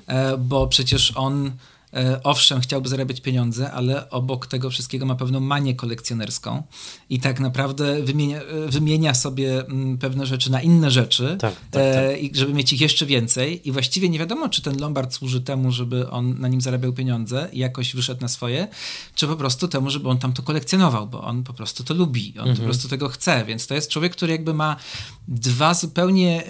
I, i myślę, że przez to też ten handel tu wygląda śmiesznie trochę, zabawnie, bo on jakby nagle okazuje się być czymś zupełnie innym niż ma być e, w założeniu. Z kolei e, pani Jola pomaga po prostu tym ludziom mhm. i też, też bez wiedzy czasami tak. E, swojego partnera i, i, i po prostu jakby właśnie robi te upusty więc... Podaje zupę. Podaje zupę, tak, mhm. tak, więc handel tutaj w ogóle ma taki pokraczny, surrealistyczny wymiar, ale z drugiej strony to sabotowanie mm, tego handlu, być może to nie jest to, o co pytałeś, ale mhm. to jest coś, co dla mnie jest bardzo ważne w tym filmie, bo jeśli, jeśli ten film moim zdaniem jest trochę o tym, jak radzić sobie też w kapitalizmie, jak szukać mhm. tych rzeczy, przynajmniej w neoliberalnym kapitalizmie, bo moim zdaniem też nie wszystkie kapitalizmy mhm. są, jakby niosą ze sobą ten sam rodzaj e, zagrożenia. E, to jest to, żeby, że, że warto tej narracji neoliberalnej prezentować jakieś kontrnarracje, prezentować jakiś rodzaj działań, których ta neoliberalna, trochę w duchu tego, co Bauman na przykład pisał, żeby budować jakieś, nie być dobrym konsumentem, takim jakby mm. być wadliwym konsumentem, mm -hmm. żeby właśnie, że to sabotowanie tego, co neoliberalizm jakby nam próbuje powiedzieć o tym, jak powinniśmy się zachowywać, jak powinniśmy żyć, jak powinniśmy kupować, to w momencie, kiedy nawet nie będziemy burzyć całego tego systemu, ale będziemy realnie jakby działać w, jakby wbrew tym zasadom, to wtedy można się jakoś obronić. I, i wydaje mi się, że oni właśnie mm, też z tego, że oni, oni nie działają zgodnie z takimi zasadami, mhm. tylko jakieś ich indywidualne fiksacje są tutaj ważniejsze, e, plus to, że naprawdę mają, pomagają ludziom, którzy są obok, to w ten sposób wytwarza się jakiś rodzaj świata, który jest kontrnarracją dla tej takiej e, dominującej kapitalistycznej, neoliberalnej narracji. Oczywiście możemy teraz powiedzieć, że to jest świat, który bardzo szybko może paść, bo on jest właśnie tak bardzo prowizoryczny, ale jednak jest. No to myślę, że to dotyka najważniejszej w ogóle rzeczy, o której rzeczywiście ten film jest, to znaczy i zacząłeś od tego też mówiąc, o tej wspólnocie i zastanawiałem się, w jakim sensie to mówisz. Myślę, że mm, wiesz, to co widzimy w takich filmach, jak nawet w mainstreamowych komediach, takich mhm. jak Masz Wiadomość na przykład, czy nie wiem, Shop Around the Corner, tak, sklep za rogiem, e, który był pierwowzorem, czyli właśnie to, że lepsze są biznesy, które się do końca nie opłacają, tak? mhm. tak? Które opłacają się tylko na tyle, żeby przetrwać, mhm. ale przy okazji też wytwarzają jakąś właśnie lokalną wspólnotę. Ileż było takich też amerykańskich przecież filmów, w których właśnie jest ta, nie wiem, jedyna mała księgarenka, tak? tak? Jedyna mała cukier cukiernia, która, jak to się mówi, ledwo wszędzie, tak? Mhm. Dym, dokładnie, mhm. prawda? I ona jest, na, tam zawsze jest ten temat, że ona jest na granicy przetrwania ale jej wartość właśnie polega na tym, że tam można przyjść, tam można postać, tam można porozmawiać. To jest właśnie, bo ten Lombard ma wielką jakby zaletę z punktu widzenia, o którym mówisz, że nie jest sieciówką, tak? Znaczy tak, to tak, nie jest oczywiście. coś ze, zestandaryzowanego, prawda? Tutaj Więc jeszcze... y, może jest takim też rodzajem trochę azylu. Tak, tutaj jeszcze takie dwie rzeczy, które mi przychodzą do głowy, bo to się otwierają nam jakby zupełnie nowe ścieżki, o który, przy, które można poruszać przy okazji Lombardu. E, ciągle porównujesz e, pewne rzeczy też z racji swoich zainteresowań pewnie do Ameryki, ale ja myślę, że to jest bardzo znaczące, mhm. bo jednym z takich wielkich tematów, który mi się też tak, e, który jest nieporuszony do końca, mam wrażenie, w publicystyce, w literaturze, w kinie też, a który mi się coraz bardziej jakby ujawnia, też na przykład pracując przy, przy projekcie związanym z blokami i, i z mieszkalnictwem, który mi się trafił jakby, ale, ale jest bardzo ciekawy. W projekcie artystycznym. Artystycznym, mhm. tak, tak. E, przy, zrobiono z Mazowieckim Instytutem Kultury. Ale przyglądając się, też czytając, nie wiem, Filipa Springera, przyglądając się polskiemu mieszkalnictwu, problemami z tym mieszkalnictwem i temu, jak, jak rozbudowały się miasta polskie po 89, to już z tego można zobaczyć, że my mamy bardzo, mieliśmy pewnie zawsze jakąś specyficzną fiksację proamerykańską, e, która ma swoje plusy i minusy, natomiast e, ciekawe jest dla mnie to, że po 1989 roku mam wrażenie, że kiedy otworzyliśmy się, staliśmy się częścią Zachodu i chcieliśmy go zacząć doganiać, to my ewidentnie czuliśmy się raczej, e, chcieliśmy przypominać Amerykę, a nie Europę Zachodnią. Mhm. I bardzo wiele mm, działań, które zaczęliśmy podejmować i na poziomie systemowym, i takich indywidualnych wyborów, miały charakter przypominający raczej amerykański styl niż europejski to y, taki ten rozrost miast, to mieszkanie na przedmieściach, e, przejście bardzo takie mm, ochocze na samochodowość, mhm. E, z nierozbudowywanie kolei zupełnie. Ten, ten, ten taki te styl posiadania koniecznie własnego mieszkania, własnej ziemi, że on musi być na własność, mhm. że nie może być jakiegoś innego systemu, na przykład wynajmu, e, który jest też koordynowany przez państwo, tylko każdy musi mieć to swoje. I ten urban sprawl, taki też niekontrolowany, mhm. który też w Warszawie bardzo widać. I wiele, wiele innych rzeczy. Też na przykład wieżowce, to jest ciekawe, że ta, ta, ta centralna część Warszawy, która jest tak bardzo pełna wieżowców, co, co, co robi wrażenie, ale to też jest ciekawe, że europejskie miasta tak bardzo wieżowcowe nie są i są nawet artykuły na ten temat. To statystycznie można, poza Londynem, poza paroma jeszcze, e, chodzi przynajmniej o Unię Europejską, bo na wschodzie, na w Moskwie na przykład jest zupełnie inaczej, tam mm -hmm. też jest dużo tych mm -hmm. wieżowców, ale raczej wieżowce są w Stanach Zjednoczonych, są w Amerykach, obu, obu i są w Azji tak bardzo dużo, a, a był taki okres, kiedy Warszawa się próbowała zamienić w taki, jakby zbudować sobie nowy Manhattan, czy wyglądać trochę jak taki skyline amerykańskiego miasta. Mm -hmm. I trochę też y, reżyser Łukasz Kowalski powiedział, że to jest z jego badań wynika największy Lombard w Europie. Prawdopodobnie, to jest też w sloganach reklamowych tego filmu, ale jemu tak po prostu wyszło z jakichś, jakichś badań, z próby, próby porównawczej, ale od razu dodał w jednym z wywiadów, w Stanach Zjednoczonych takich lombardów jest mnóstwo. Mhm. Takich mhm. lombardów, gdzie właśnie jest nadmiar przedmiotów, gdzie tego wszystkiego i to jest, i to też jest coś bardzo amerykańskiego. I też myślę, że bohater i bohaterka też chcą być trochę w taki biznesami w amerykańskim stylu. I ta amerykańskość właśnie, że, która ci ciągle przebija też z twoich mhm. refleksji związanych z tym filmem, bardzo tu jest wyraźna. Wiesz, no ja myślę, że nie tylko, że masz rację, ale że to jest bardzo jakby na powierzchni nawet tego filmu, tak, bo y, futro pani Joli to już trochę ustawia, tak, to znaczy to, że ona i teraz pytanie, czy to jest, że futra w zasadzie, tak? tak? tak. E, bo, bo czy to jest pozostałość, powiedzmy, tych lepszych czasów, tak? Podobno kiedy, tak, ale kiedy właśnie, w filmie nie wiem. E, tak, tylko że tutaj mi się właśnie to kojarzy z tym, że ona... Mm, znaczy ona wnosi jakiś taki element, wiesz, no ja zawsze, to już kilka razy mówiłem w różnych miejscach, że uważam, że e, serial Dynastia był najbardziej takim form formacyjnym, że tak -hmm. powiem, jeśli chodzi o sformatowanie polskiej wyobraźni po 89 roku i, i że tak powiem, no to był czas, kiedy polskie kobiety, które było na to wtedy stać, sobie kupowały futra. Oczywiście tak. dzisiaj nie robiłyby tego z zupełnie innych powodów. Wtedy tak. E, I, i, I wiesz, no to marzenie, że będzie się jak ta Alexis, tak? Tutaj tak. zresztą widzimy też, nie wiem, tipsy pani, e, pani Joli i tak dalej. Ale e, powiedz mi, bo właśnie spodziewałem się, że, że przywołasz dynastię. dynastię. Tak. Że to jest taki, taki, taki jakby temat, który, który bardzo, bardzo lubisz i, i ten wpływ dynastii na naszą mentalność. Natomiast mnie się, mnie się pani Jola kojarzy z postacią z dynastii trochę bardziej zapomnianą, bo tam między Krystol a Alexis w pewnym momencie pojawiła się jeszcze trzecia pani, ona się chyba Sable nazywała. E, wiesz co, teraz mnie zagiąłeś, nie pamiętam o której tak, mówisz. Tak, w późniejszych sezonach była, i ona była taką jakby bardziej zła niż Krystal, ale mniej czarna niż Alexis i ona się często tam z Alexis, okay. stała na okay. policzki, na Aha. policzkowanie, gdzieś do wanny wpadały razem, potem te były takie, nie do wanny, tylko do fontanny. E, i, i, I trochę mi się z nią pa, e, pani Jola kojarzy właśnie.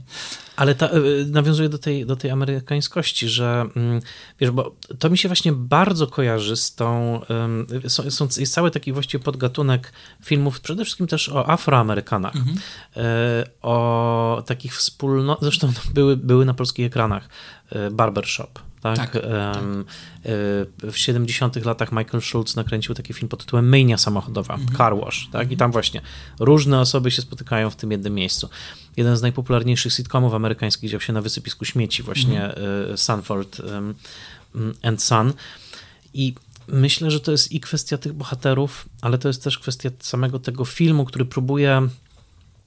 No bo wiesz, my nigdy się nie dowiemy, jak naprawdę jest w tym Lombardzie, tak? W sensie tak, tak, tego tak. nigdy nie będziemy wiedzieli. Ten film jest do pewnego stopnia kreacją, tak? Mhm. On jest też kreacją poprzez kadrowanie.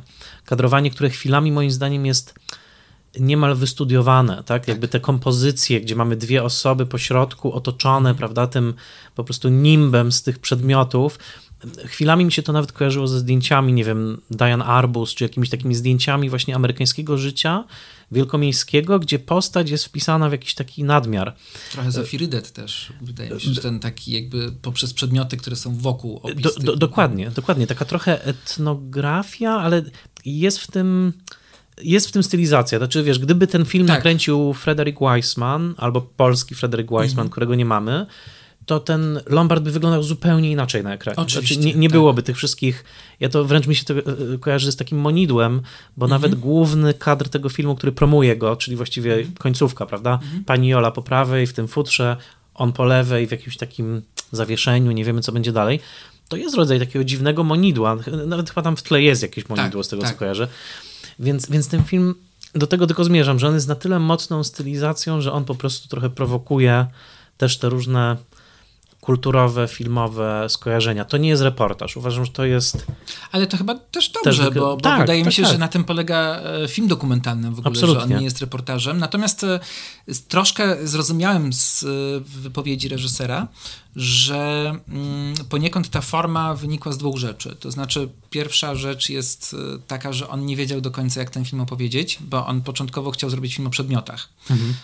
Trochę w stylu, nie wiem, Bressona, gdzie nie poprzez przedmiot, który przechodzi z rąk do mhm. rąk, e, mamy opowieść o ludziach, ale potem mu się to zmieniło, bo okazało się, że bohaterowie są tak e, ciekawi jako ludzie, że jednak skupił się bardziej na nich niż na tych przedmiotach, no ale te przedmioty jednak mają znaczenie, bo to, że to jest Lombard i że on ma ten nadmiar e, rzeczy często niesprzedawalnych przecież. Mhm. Tutaj, tutaj jakby określa trochę tych bohaterów. A drugi, drugi, drugie podejście, czy drugi powód, dla którego tak to trochę wygląda, jak zrozumiałem, wynika z tego, że oni stosowali coś, o czym bardzo, bardzo chciałbym powiedzieć, bo nie wszyscy sobie z tego zdają sprawę, mm. a to jest często się sprawdza na mm, edukacyjnych różnych zajęciach, jak się mówi, nawet przychodzą grupy szkolne, to nawet nauczyciele często robią e, jakby szerokie oczy. To znaczy, że w polskiej szkole dokumentu jest pewien, pewna etyka pracy.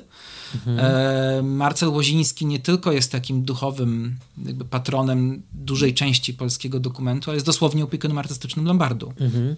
E, I on jakby e, trochę nauczył całe pokolenia już e, pewnego dokumentalistów, pewnego stylu, I nie wszyscy sobie z tego zdają sprawę, jak te dokumenty powstają. Że mhm. tutaj, y, i, i, chciałbym o tym bardzo powiedzieć, a myślę, że to jest tutaj ważne, że ten film powstał przez 4 lata, z czego jest chyba 20 godzin materiału, z czego ostatecznie powstaje 80 minut filmu. Mhm. I to jest, to ogromnie moim zdaniem uruchamia myślenie. Jak się zaczyna porównywać te trzy, te trzy liczby, E, no bo skoro 4 lata, a z tego jest 20 godzin materiału, to znaczy, że bardzo wiele przez te 4 lata się wydarzyło, co w ogóle nie było filmowane. Z kolei potem z 20 godzin powstaje półtorej godziny, czyli jak wiele trzeba wyciąć. Ale mnie ogromnie ciekawi ta to coś, co jest w polskim dokumencie, to znaczy ta praca z bohaterem, mhm. kiedy y, to, co na, na, co zawsze ci polscy dokumentaliści, właśnie Kieślowski, potem Łoziński, że ta kamera jest inwazyjna, mhm. że kamera trochę zmienia, więc trzeba nauczyć się pracować z bohaterem w taki sposób, żeby ta kam tą kamerę zneutralizować. Mhm. I to są całe zabiegi przecież, żeby no tak, oswoić tak, tak. Bohatera filmu, żeby być bez kamery z nim i widzieć, jak on się zachowuje bez tej kamery, a dopiero potem wprowadzając tę kamerę, nawet czasami jak to mówił Łoziński, zagęszczać rzeczywistość mhm. w taki sposób, żeby jakby odwzorować tę rzeczywistość, która była, kiedy kamery nie było i tutaj wiem, że Kowalski twierdzi, że zbyt wiele takich zabiegów nie stosował. Tutaj nie ma jakichś e, zagęszczeń specjalnych, bo on twierdzi, że tych bohaterów zagęszczać się nie da po prostu. Mm -hmm. e, oni i tak zrobią po swojemu, a w momencie, kiedy próbował ich troszkę reżyserować, to wychodziły y, w czasie tego zupełnie inne rzeczy. To jest mhm. bardzo ciekawa anegdotka, że chciał, żeby mm, właściciele przeszli z jednego końca kadru na drugi, a oni w tym momencie zobaczyli jakiś przedmiot na podłodze i zaczęła się zupełnie nowa historia. Mhm. E, ale e, oni się nauczyli być przez te cztery lata niemalże niewidoczni. To znaczy, mhm. że oni się stali częścią tego lombardu jak te przedmioty mhm. i żeby być niewidocznym, trzeba być też neutralnym i nie za bardzo, nie za wiele się ruszać. Mhm. I stąd też ta e, taka formuła takiego kadrowania i tak dalej, żeby po prostu stać się częścią tego krajobrazu, który jest tak naturalny jak wszystko inne. To prawda, chociaż ja y, jako ogromny fan Polskiej Szkoły Dokumentu naprawdę i fan Marcela Łużyńskiego, jego, jego y, filmy, że tak powiem, ustawiły mi już nie jedne zajęcie mhm. na uczelni, bo ja często analizuję te filmy i mhm. niektóre z nich znam już wręcz na pamięć, takie jak Moje Miejsce na przykład. Mhm czy króla, mm, ale dla mnie zawsze to, co Marcel Łoziński mówi o zagęszczaniu rzeczywistości, mm -hmm. to jest pewien eufemizm, to znaczy zagęszczanie rzeczywistości oznacza po prostu reżyserowanie mm -hmm. do dużego mm -hmm. stopnia I, I, są różne metody reżyserii, bardzo różne, natomiast y, chciałbym, żeby częściej mówiło się o Polskiej Szkole Dokumentu jako o dokumencie, który wypracował bardzo szczególną, szczególny rodzaj reżyserii po prostu, mm -hmm, bo, mm -hmm. bo ta reżyseria istnieje.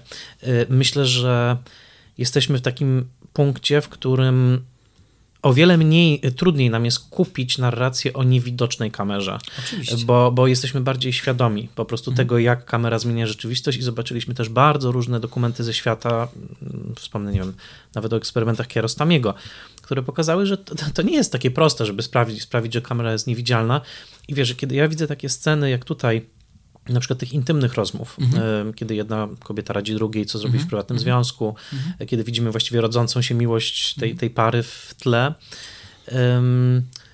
I ja mam taki, takie ziarenko sceptycyzmu. Ja tego nie neguję. Ja wiem, że to mhm. rzeczywiście się wydarzyło. To nie jest kłamstwo w żaden, w żaden sposób, ale to jest, powiem tak, traktując jako pewien moralne centrum w ogóle świata dokumentalnego, mm -hmm. właśnie Frederica Weissmana, który ma mm -hmm. bardzo restrykcyjne zasady, jeżeli mm -hmm. chodzi o to, nie wchodzi w prywatność bohaterów po prostu, mhm. tak? bo, bo wie, że nie może tego zrobić, bo mhm. nie da się tego w pewien sposób zrobić, to tutaj mam coś takiego, ok, nigdy się nie dowiemy, jakby jak do końca to powstawało, prawda? Więc i, i zauważ, że ten 75-minutowy film ma bardzo dużo dramaturgii, tak nawet wiesz, takich tych przebiegów, o których mówiłem. Nie? Mhm. Jedna love story, druga love tak. story, jeden kryzys, drugi kryzys. Mhm. Tego jest bardzo dużo i ja doceniam bardzo misterną robotę montażystów, reżysera, wszystkich, którzy to stworzyli, tą strukturę. Mhm ale to jest kreacja. Pod tym względem to jest kreacja. Oczywiście. Znaczy, yy, wydaje mi się, że sam też fakt pracy, nawet jeśli tutaj nie było zbyt wiele inscenizacji, nie było takiej reżyserii w takim bardzo potocznym rozumieniu, no to sam fakt tego, że się przychodzi i ma się pewien plan mhm. yy, i będzie się przebywać przez długi czas z ludźmi po to, żeby ich oswoić ze sobą, no to mhm. już tak jak mówię, że jest rodzaj reżyserii. Tylko trochę problem w odbiorze dokumentów w Polsce, mam wrażenie, mhm. jest taki, że dla środowiska dokumentalistów to jest oczywiste, że to tak powstaje. Wiem. Natomiast wiem, nie wiem. jest to oczywiste często dla publiczności. Ale to nie jest też oczywiste dla zagranicznych dokumentalistów, no tak. co jest obusieczne, bo chwilami te polskie dokumenty absolutnie zachwycają mm -hmm. zagranicznych mm -hmm. dokumentalistów, ale pamiętam rozmowy z chyba brytyjskim dokumentalistą kiedyś, który powiedział, że dla niego polskie dokumenty są rodzajami naprawdę świetnych fabuł. Mhm. Jakby, że dla niego te dwie rzeczy są no bardzo tak. mocno rozgraniczone. I to jest ogromna siła tego naszego kina, ale to jest specyficzne. To nie, nie, tak. to nie zawsze tak jest. tak, tak ale z drugiej strony, mhm. bo można przemienić to centrum etyczne mhm. i stwierdzić, że to jest właśnie etyczne tworzenie kina, Może. Bo, bo ono sobie zdaje, bo ono nie wierzy tak naprawdę w to, mhm. że ta obserwacja bez reżyserii jakiejś tak, bardzo ogólnie tak, mówiąc jest w tak. ogóle możliwa. Tak. I zakłada to, ja myślę, że to jest pewna obsesja tego pokolenia yy, Łozińskiego i Kieślowskiego, mm. że, bo oni przeżyli ogromne rozczarowanie tak. dokumentem w stanie czystym. Znaczy to jest takie ich, no, u Kieślowskiego to była tak duża przecież trauma, odpowiedzialność etyczna, E, to, że co się dzieje z człowiekiem, kiedy się wchodzi z kamerą w jego życie i potem się tego człowieka pokazuje, no że on w ogóle jakby szukał wyjścia i znalazł mhm. z tej formuły. Natomiast u Łazińskiego to przybrało taką formę, że właściwie wszystkie jego filmy, czy większość jego filmów to są metadokumenty tak naprawdę. Tak. I on zresztą uwielbia taki zabieg, gdzie e, na przykład powtarza prawda, swój dokument, żeby sprawdzić, co, jak dokument, który nakręcił, wpłynął na rzeczywistość, którą stworzył. Mm -hmm. albo na przykład, nie wiem, jak w Toni jej dzieciach, pokazuje materiały dokumentalne, takie archiwalne, ale co materiały dokumentalne robią z tymi, którzy je oglądają? Bo oczywiście mhm. to jest film o czym innym tak naprawdę, ale to też jest pewna e, refleksja, e, która się w tym filmie pojawia i wydaje mi się z taką obsesją Łozińskiego. I ja na to też w ten sposób patrzę, mhm. że po prostu mm, oni sobie zdają sprawę z tego, amator przecież jest całą opowieścią o tym, jak rzeczywistość sama siebie nie wyraża, bo zawsze ktoś na nią patrzy. E, jeśli się jeździ na festiwale kina dokumentalnego, to ci mistrzowie dokumentu, kiedyś właśnie na przykład byłem na takim spotkaniu z Bławutem, mm. gdzie on bardzo długo o tym opowiadał, o tym właśnie jak, e, o tej niewierze w tą obiektywną rejestrację, -hmm. że to jest tak oczywiste jakby, że, że człowiek wchodzi z kamerą i wszystko się zmienia. E, i że czasami trzeba, no być może to jest właśnie, jest, znaczy, że to naprawdę wynika z, właśnie z takich etycznych powodów, że te mhm. filmy są reżyserowane, no bo to jest właśnie pytanie, czy w ogóle istnieje coś takiego jak taki czysto obiektywny dokument, ale pewnie istnieje, zresztą mnie y, ciekawi, że Marta Prus, y, która zrobiła Over the Limit, też ciekawa postać młodego polskiego dokumentu, ona na przykład w to wierzy. Aha. E, ona bardzo wierzy w to, mimo tego, że jeden z wcześniejszych jej filmów przed Over the Limit to był film, w którym chciała kręcić obiektywną rzeczywistość, ale jakby stała się też jedną z bohaterek tego filmu, bo e, relacja z bohaterem, którego chciała nakręcić, tak się pokomplikowała, że jak się okazuje, jej ingerencja w jego życie była dużo mhm. bardziej znacząca niż początkowo zakładała. Ale ona mi też mówiła, jak prowadziłem z nią kiedyś spotkanie, że ona wierzy cały czas w taki dokument, dokument mhm. po prostu. Mhm. I że ona by chciała iść w tą tradycję, że ją chyba bardziej ta tradycja interesuje niż ta typowo polska, więc to, to, jest, to jest też ciekawe. No wiesz, sama fakt, że polskie filmy dokumentalne nowe często właśnie mają tych opiekunów artystycznych ze starszych pokoleń, e, sprawia, że tu jest ciągła, ciągłość, przepraszam, taki rodzaj ciągłości, mhm. dialogu. Tak bardzo. Ja kiedyś zbudowałem na tym ponad trzyletni e, cykl w Filmotece Narodowej, który prowadziłem, ten, który się nazywał Wtedy Teraz, mhm. gdzie pokazywałem e, dzięki Jakubowi Zgierskiemu, który to wtedy organizował, zestawiałem stare mhm. polskie dokumenty z nowymi polskimi tak, dokumentami. Pamiętam, tak? chodziłem. No, no, no, właśnie, i to tam wychodziło, że to jest ciągłość. Właśnie też przez system finansowania, prawda, gdzie mamy te rady w PISFie złożone z dokumentalistów, którzy oceniają innych dokumentalistów i gdzieś tam ta ro, rozmowa polskiego dokumentu się toczy. Bardzo e, to jest, to jest naprawdę Lombard można gdzieś, te, dlatego na początku powiedziałem o tych źródłach i o tym, że wyemancypował się polski dokument jako osobny artystyczne zjawisko gdzieś w okolicy czarnej serii w połowie lat 50., ale że to wszystko tam ma źródło, nawet do, no, osobowe niemalże. Karabasz, no i w Karabaszu, nie? Właśnie w Karabaszu, no tak, ale tak. Karabasz był na, i też w tym temacie przecież ten temat, e, że to mm, czarna seria, przecież od tego się zaczyna trochę, od tego zawołania, że to do widza, że to ty jesteś, czy do tego człowieka, który jest obojętny, mhm. czyta gazetę, a że to tak. ty jesteś też odpowiedzialny za tak. to, co się dzieje. Tak. I tak naprawdę to jest to, o czym ty też mówisz, prawda, że y, ten ten temat polskiego, który w polskim dokumencie każe zwracać się e, w stronę, w którą inni nie chcą patrzeć, mhm. E, który na przykład e, próbuje się zastanowić nad systemową odpowiedzialnością, czy bardziej zbiorową, no to jest temat, który już wtedy istniał i on osobowo jakby cały czas, cały czas się, ta ciągłość jest, jest właśnie. Natomiast mhm. ja mam trochę inny problem, bo ty mówisz mhm. o ty mówisz o polskim dokumencie, jego ograniczeniach od tej strony, mm, że one są właśnie zbyt reżyserowane i że ta koncepcja mhm. jest, jest taka dominująca. Ja mam też problem w drugą stronę jeszcze, mhm.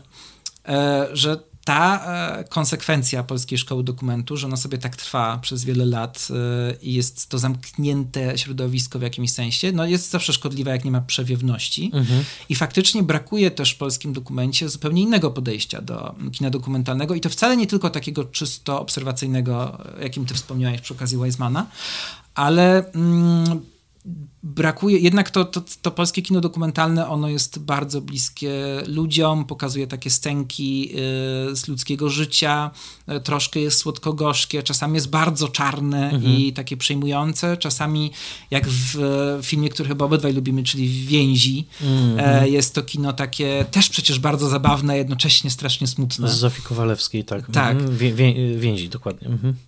I, I to też jest taki film, gdzie się strasznie śmiejemy, a jednocześnie nam ten śmiech w gardle nagle staje. E, I to jest film brawurowo zrobiony, ale mm, myślę, że ta formuła w ogóle ma ograniczenia, bo przecież dokument światowy to są na przykład, nie wiem, filmy, które teraz w Wenecji przecież wygrał dokument no All the Beauty and the Bloodshed. No nie ma u nas w ogóle takiego kina, jaki robi Laura Poitras. Tak. E, tak które tak. robi rodzaj dzien takiego dziennikarstwa śledczego, śledczego, a jednocześnie bardzo osobistego, e, gdzie jest jakaś sprawa i tę sprawę się bada.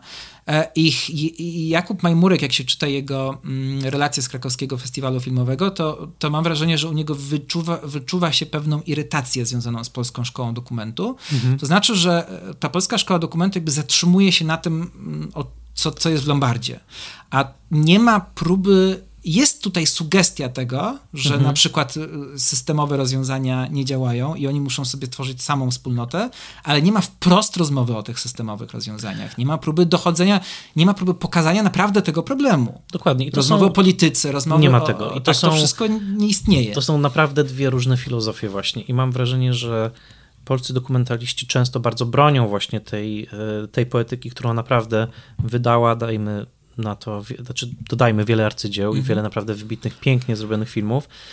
Y, tylko ja, ja też chwilami mam taką tęsknotę, to nie jest zarzut pod adresem Lombardu, mm -hmm. tylko y, właśnie za takim kinem, które szuka trochę tych systemowych przyczyn. Y, oczywiście u nas to się zbywa natychmiast słowem publicystyka, które mm -hmm. z mhm. jakiegoś powodu ma być pejoratywne. Mhm. Natomiast jak patrzę na takich cudzysłów publicystów, mhm. jak niektórzy amerykańscy reżyserzy czy brytyjscy, bo przecież no już nawet nie wspomnę o tych um, klasykach, tak, ale y, no nawet, nawet Roberto Minervini, który jest mhm. też takim ciekawym reżyserem, powiedzmy już z pogranicza, ale mieliśmy ten film Fuoco Amare na przykład, prawda, mhm. y, i parę innych. No to są filmy, które właśnie wygrywają, powiedzmy, Złotego Lwa w Wenecji, tak. y, między innymi dlatego, że z taką mm, wnikliwością, ale też systematycznością i szerokością spojrzenia pokazują cały pewien wycinek tortu, jakim jest mhm. społeczeństwo. Uwielbiam to hasło, żyjemy w społeczeństwie. Mam wrażenie, że, że dla polskich dokumentalistów to nie zawsze jest ważne, że żyjemy w społeczeństwie. Ważniejsze jest to, że żyjemy właśnie w tym mikroświecie, prawda? Bo bardzo w ogóle uwodzi e, idea mikroświata, e, jakichś takich małych kieszonek rzeczywistości. I, I znowu, nie jest to zarzut pod adresem Lombardu, ale zastanawiam się, czy kiedyś będziemy mieli taką falę filmów, które, że tak powiem, spojrzą szerzej, tak jakby i, i, i rozszerzą to spojrzenie. To znaczy, wiesz, jeszcze ciekawe mm. jest, jest to, że ta dynamika w polskim dokumencie się w ciekawy sposób rozwija, bo krakowski festiwal filmowy, który był kiedyś takim bastionem, mm -hmm. on ma, ma konkurencję. E, Against Gravity e, się pojawiło. Jeszcze przez wiele, e, przez długi czas było tak, że to były zupełnie różne festiwale, zupełnie mhm. inaczej sprofilowane. Krakowski Festiwal Filmowy był takim e, festiwalem właśnie ludzkim, właśnie jakby związanym bardzo z tą polską szkołą dokumentu, gdzie oglądało się film bardziej o ludziach niż o problemach. Mhm. E, e, warszawski festiwal był właśnie bardziej problemowy, taki trochę śledczy, trochę dociekający, też pokazujący filmy z zagranicy w dużym stopniu, ale ostatnio jak się okazuje mm, i nawet y, pamiętam Błażej Hrabkowicz dawno temu pisał taki tekst, gdzie właśnie twierdził, że ten polski dokument już nie, nie dogania, że ten warszawski festiwal pokazuje, że jesteśmy bardzo z tyłu, że ta polska szkoła dokumentu jest bardzo wartościowa, ale ona ma tak dużo ograniczeń mhm. i tak bardzo czasami już zjada własny ogon, że mm, jakby nie, nie doganiamy tego, co dzieje się na świecie, ale nagle okazuje się, że teraz e, to warszawski festiwal podkrada tego typu, już właściwie pokazuje regularnie tego typu filmy także. Mhm. mhm. I nagle w Warszawie też tego typu filmy wygrywają. Mhm. I i to jest ciekawe dla mnie, bo to pokazuje, że jednak jest pragnienie takiego kina i że w tej polskiej e, formule dokumentu jest coś takiego bardzo naszego, bardzo wyjątkowego, co chyba jednak warto bronić, mhm. tylko fajnie by było, żeby była jakaś do tego znowu kontrnarracja, tak jak już mówiłem o tej kontrnarracji wobec kapitalizmu czy neoliberalizmu, mhm. E, żeby pojawiła się jakaś inna szkoła jakiś inny rodzaj patrzenia na, na, na, na, materiał dokumentalny, właśnie taki, który na przykład zajmie się tym systemem, ale to jest też coś, o czym Bartosz Żurawiecki kiedyś pisał, że w ogóle polskie kino boi się nazywać rzeczy wprost. To i mm. fabularne, i dokumentalne. Żurawiecki... musieliśmy się chować za różnymi metaforami. Tak, ale, ale i mhm. Żurawiecki kiedyś pisał o tym, że przecież e, w kino amerykańskie normalnie mówi, podaje, pokazuje nim rodziny, gdzie jedni głosują na republikanów, a inni mm. na demokratów i to pada.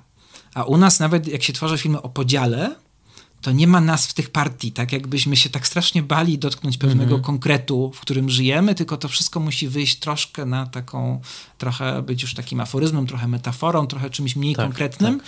E, i że boimy się czasami zerknąć na pewne problemy tak wprost właśnie i to mhm. kino polskie dokumentalne przygląda się tej rzeczywistości, które jest, jest to przyglądanie się jest bardzo ważne, ale ma właśnie te, mm, te, te, te, braki pod tym względem. Jeszcze, jeszcze, jeśli mogę, jeszcze jedną rzecz, która mnie tak uderza, bo ty mówiłeś o tym śmiechu i o tym, że ta.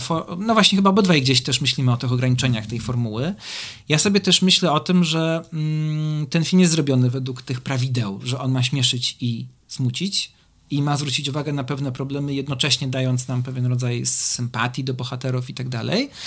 Natomiast ja się zastanawiałem, mm, co by było, gdyby na przykład pokazać w tym filmie jakieś poglądy, na przykład polityczne bohaterów. Mm, pokazać ich z mm. takiej pokazać jeszcze rzeczy, które nie weszły do filmu, mm -hmm. jakąś ich inną stronę, które mogą jawnie polaryzować. Bo to I jest... Które na przykład by sprawiły, że ta sama publiczność, która tak się sympatycznie śmiała na Oczywiście. warszawskim festiwalu, nagle zrobiłaby, prawda, krok w tak, tył. Tak, o, To prawda? jest też coś, o czym rozmawialiśmy przy okazji filmu balkonowego, mm -hmm. prawda, że ten film tak ustawia, e, nawet jeśli pokazuje pewne dramaty, ale ustawia nas w takiej sytuacji, żebyśmy polubili ludzi. Mhm. I to jest bardzo fajne, zwłaszcza w takim świecie, w którym my siebie często nie lubimy w Polsce i myślę, że potrzebujemy takich filmów, ale z drugiej strony też unikamy tutaj tego, że żeby polubić innych ludzi, czy żeby naprawdę tworzyć wspólnotę, to my potrzebujemy realnego kontaktu z kimś, z kim się zupełnie nie zgadzamy, albo kto nas w ogóle oburza wręcz. Dok dokładnie. A ten film tego bardzo unika. Tak, odwołujesz się do naszej rozmowy z webinaru Spoilermastera o właśnie e, filmie balkonowym. Ja bym to jeszcze rozszerzył, że znaczy, to, to w ogóle jest e, oczywiście sedno sprawy, bo ja ostatnio tak prowokacyjnie chyba e, w rozmowie ze znajomym powiedziałem, słuchaj, gdyby archeolodzy znaleźli za 100 lat, że tak powiem, wszystkie polskie filmy, e, nie wiem, czy fabularne, czy dokumentalne z ostatnich 10 lat, to czy w ogóle domyśliliby się, że tutaj był, że tak powiem, że tutaj się działo to, co się działo, tak? Nie wiem, właśnie spór, tak, tak nie tak, wiem, PiS, tak, PO, tak, tak, tak, cokolwiek. Myślę, że nie, nie do końca by się domyślili, bo śladów tego w kinie jest bardzo mało, śladów takich nazwanych wprost. Podczas kiedy, jeżeli spojrzysz no, znowu, nie chcę przesadać z tym kinem amerykańskim, ale nawet jeżeli spojrzysz na kino francuskie, mhm. tak? E, brytyjskie. Czy, czy brytyjskie, to te spory tam są, tak jak ty mówisz, nazywane po imieniu, przywoływane Thatcher jest Thatcher. Zaogniane, prawda? No właśnie, kino Thatcherowskie w latach 80. i tak dalej. E, nawet ostatnio myślałem o tym e, w kontekście dokumentów, akurat trochę inny świat, ale Louis Mal kręcił mhm. dokumenty w Ameryce w latach 80. Były takie dwa naprawdę świetne filmy o bardzo małych, konserwatywnych społecznościach. Mimo, że sam był no, bardzo lewicowy, mhm. bardzo postępowy, ale właśnie pojechał do tej mikromiejscowości, żeby zrobić jakby ten film o tej, krótko mówiąc, o tej Ameryce, która wybrała Ronalda Reagana. Tak. tak? Ale i zrobił go bez znaczy to jest jasne, gdzie są jego sympatie w tym filmie, to jest jasne, ale to nie jest tak, że ten film jest zrobiony przeciwko tym ludziom, mhm. tak? Jakby on, on po prostu zdokumentował pewną rzeczywistość. I u nas jakby to się prawie w ogóle nie dzieje. To jest właśnie to ciekawe, co powiedziałeś, że co by było, gdyby ci bohaterzy, bohaterowie zaczę, zaczęli mówić o polityce, nie? Co by się wydarzyło? Albo obyczajowości, albo o czymkolwiek, że nagle będziemy się skonfrontować dokładnie. z czymś, mhm. co jest dysonansem, bo, ich, bo, oni są tak pokazani, że ich właściwie no, nie da się nie lubić. I to jest pewien rodzaj e, właśnie tej reżyserii też, mhm. prawda? Że to jest ta, ta, ten film ma taką konwencję. Tak. Co by że... było, gdyby ich teraz, nie wiem, zapytać o związki jednopłciowe przykład, albo coś. Tak. Jakby i, i, I niech powiedzą to, co myślą. I może myślą tak, może myślą tak. To jest jakby nieważne. Tylko ważne jest to, że rzeczywiście to kino często cofa się przed tym. Tak, prawda? i to jest trochę problem, prawda? No bo on mhm. nie pozwala przez to na prawdziwy kontakt z tymi ludźmi. Mhm. I to jest taka ograniczona, że, że trochę sobie budujemy, czy przynajmniej ci, którzy nie mają kontaktu z takim światem na co dzień, e, są jakby w zupełnie innym świecie żyją, no to sobie budują taki obraz mhm. ta, e, jakby ludzi z takich miejsc, mhm. a potem, kiedy spotkają takich ludzi, no to y, okaże się, że to nie działa, prawda? Bo są to wszystkie rzeczy, które są tą różnicą, a o której, o której naprawdę trzeba mówić, trzeba się z nią jakoś konfrontować, a my strasznie tego unikamy. Bo, bo lubimy chyba, tak jeszcze dodam, bo widzisz, przypomina mi się dużo wątków, że ja na przykład ostatnio często słuchałem, no różnych jak zawsze rozmów i um, wiesz, y, są takie tematy, które bardzo trudno jest rozmontować. Są takie tematy, których bardzo trudno analizować. Na przykład, y, nie wiem, stosunku, mm, to też przed wojną jeszcze w Ukrainie było dla mnie zawsze uderzające, w jaki sposób pisano o mm, pracownikach ukraińskich w Polsce, mhm. E, na przykład o kobietach z Ukrainy, które e, trudniły się sprzątaniem mieszkań w Warszawie. Mhm. Pamiętam tą frazeologię na, na Facebooku, na Twitterze, moja Ukrainka odeszła, czy możecie tak, polecić tak. jakąś inną, prawda? Jakby co, co to znaczy moja mhm. Ukrainka, jakby, tak? I to, to są te, ale oczywiście z czym to się wiąże? To się wiąże głęboko z klasowymi rzeczami, tak? Oczywiście, tak. O których my wciąż nie potrafimy mm, rozmawiać. Ale też, też jest mhm. tak, że, że, że, problem też z klasowością, bo to w dwie strony jest moim zdaniem problematyczne. Mhm. Że z jednej strony unikamy rozmowy o klasowości, mhm. ale kiedy już się często ta rozmowa pojawia, to ona jest straszliwie uproszczona, czy bywa uproszczona. Mhm. E, bo bywa cały czas oparta na pewnego rodzaju projekcjach. Na tak, takim też tak. zbyt prostym e, wyobrażeniu sobie osoby z danej klasy, i teraz co ona może, co ona nie może, jakie ma ograniczenia, ale my nie rozmawiamy z tą osobą, tylko my sobie wymyślamy, jakie ma ograniczenia i tworzymy sobie też świat taki, który nie do końca jest e, zgodny z rzeczywistością. E, I tutaj ja, ja bardzo lubię, w ogóle uważam, że, że, że, że, bardzo fajnie by byłoby zorganizować, nie wiem, jakiś seans z gościem, żeby porozmawiać z Olgą Drendą hmm. o tym filmie z bardzo wielu powodów, bo Świetny też Olga pomysł. Drenda zajmuje się przedmiotami. Tak, racja. Ale też bardzo lubię jej pisanie właśnie o tych kwestiach społecznych, bo ono jest w poprzek. Mhm. Bardzo często w poprzek takim oczywistym yy, to prawda, sprawom. To prawda. I ja, ja niezwykle cenię jej, jej refleksję na ten temat i między innymi kiedy ona pisała o klasowości i o tym, jak bardzo jakby nagle yy, prawda, wielkomiejska inteligencja odkrywa swój przywilej. To jest bardzo dobrze wszystko i to jest w ogóle bardzo tutaj dużo dobrych rzeczy się dzieje, ale z drugiej strony czasami zbyt łatwo te osoby zaczynają yy, jakby twierdzić, że wiedzą coś o osobach z innych klas, dlatego, bo mają jakby pewien gotowy obraz tego, tak. m, mm, czym ta osoba jest. Tak. E, jakby jest pewien zestaw trudności, na przykład, nie wiem, że, że e, coś, co mnie uderza, jeśli mogę do własnego, do własnego przykładu, ale to jest dla mnie bardzo charakterystyczne, to jest na przykład kwestia tego, że część dyskutantów z takich facebookowych dyskusji i tak dalej, nagle stwierdza, że jakby awans społeczny jest zupełnie niemożliwy dzisiaj. Mhm. Czy, czy w tym czasie kapitalistycznym on był zupełnie niemożliwy, że on był w PRL-u, a teraz go nie ma. E, albo on jest straszliwie utrudniony i tylko te osoby, które miały dobre urodzenie, miały kapitał kulturowy, kapitał majątkowy, jakby były w stanie do czegoś dojść, a reszta to jest taka strasznie biedna i ona jest tak strasznie teraz pokrzywdzona i płaczemy nad ich losem. E, I to może tak wyglądać z perspektywy dużego miasta, czy z takiego jeszcze środowiska, które, mm, które jest takie bardzo uprzywilejowane, ale na przykład e, z takiej średniego miasta jak moje, gdzie ja chodziłem do liceum w przełom lat 90. i 2000, większość osób w moim liceum to były osoby e, z małych miejscowości, z okolicznych wsi. Bardzo często to były jeszcze osoby, które, których rodzice nie miały wykształcenia, albo to było drugie pokolenie, które walczy o wykształcenie. I mniej więcej jak wiem, co się dzisiaj dzieje z, z ludźmi z mojego liceum czy z tamtego świata, no to jednak to jest też ogrom... Oni jakoś sobie poradzili. Duża część z nich jednak jakby doznała tego awansu i to mhm. nie do końca też tak wygląda. E, są, nie wiem, że są faktycznie osoby, które było stać na przykład na szkoły językowe i one faktycznie miały pewien lepszy start. No ale są też takie osoby, które chodziły do szkół językowych i niewiele z tego wynikło, mhm. a ja znam osoby, które wyjechały na przykład do pracy w Irlandii, na wyspy i tak dalej i tam w ogóle nie ucząc się za bardzo języka wcześniej, nauczyły się języka tak, że dzisiaj są tłumaczami.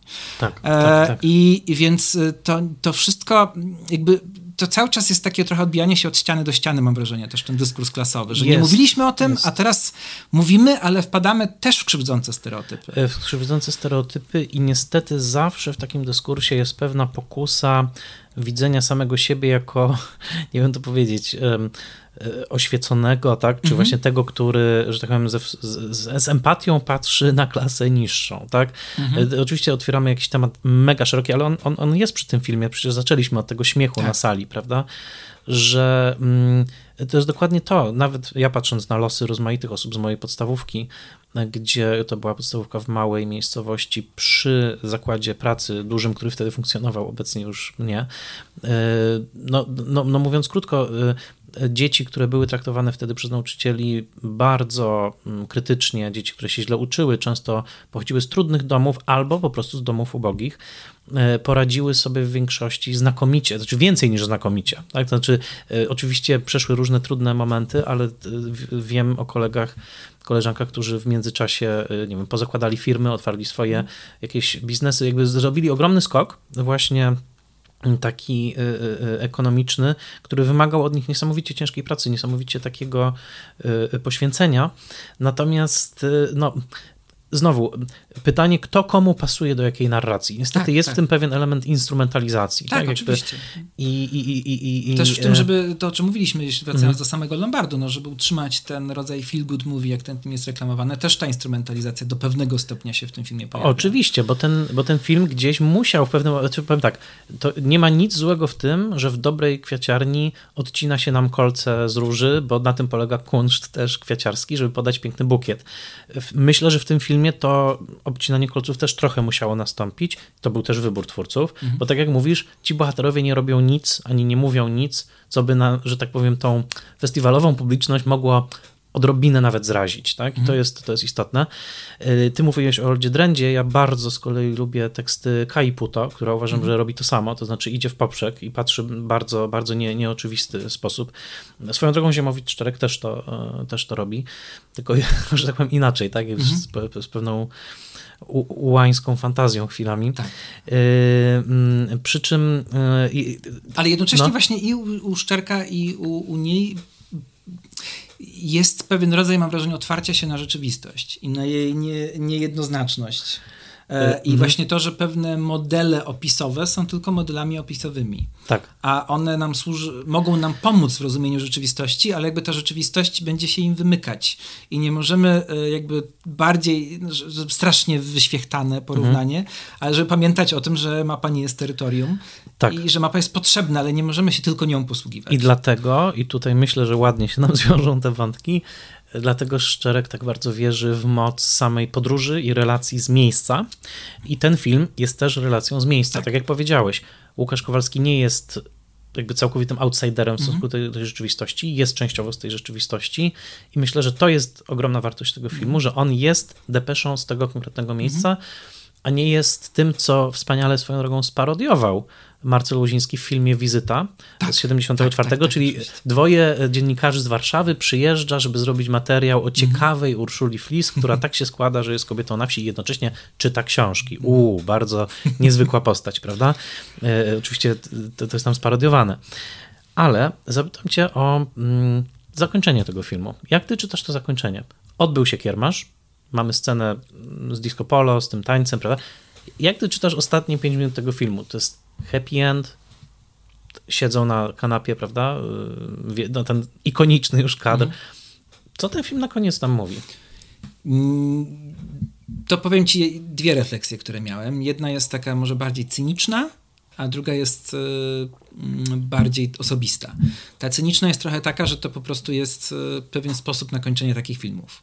Ale co, że e, otwarty, tak? Tak, tak, mhm. no, że, no bo jak skończyć taką opowieść? Mhm. Nie, zrobienie happy endu takiego klasycznego będzie po prostu nieprawdą. Zresztą e, Łukasz Kowalski mówił, że niektórzy jego konsultanci mu to, do tego go namawiali, mm. żeby skończyć w tym miejscu, żeby ten festyn był kropką nad i już jakby... Czyli takim pozytywnym zakończeniem. Tak, ale on tak? bardzo tego nie chciał. Mm. I to myślę, że dobre, mm. bo, bo, no bo to jest, to by była nieprawda. E, to, to, to nie jest tak, że nagle. Bo dodajmy, oni się już nie mieszczą tam, gdzie się mieścili, prawda? Oni już się nie wiem. mieszczą, tak. tak. tak, to jest w ogóle ciekawe, bo mhm. ten film zaczął się. Czy moment, w którym Łukasz Kowalski poznał historię tego Lombardu i tam przyjechał, zupełnie z innego powodu, bo robił reportaż o zaginionym człowieku w tej dzielnicy, bo to jest bardzo niebezpieczna dzielnica w ogóle. Mhm.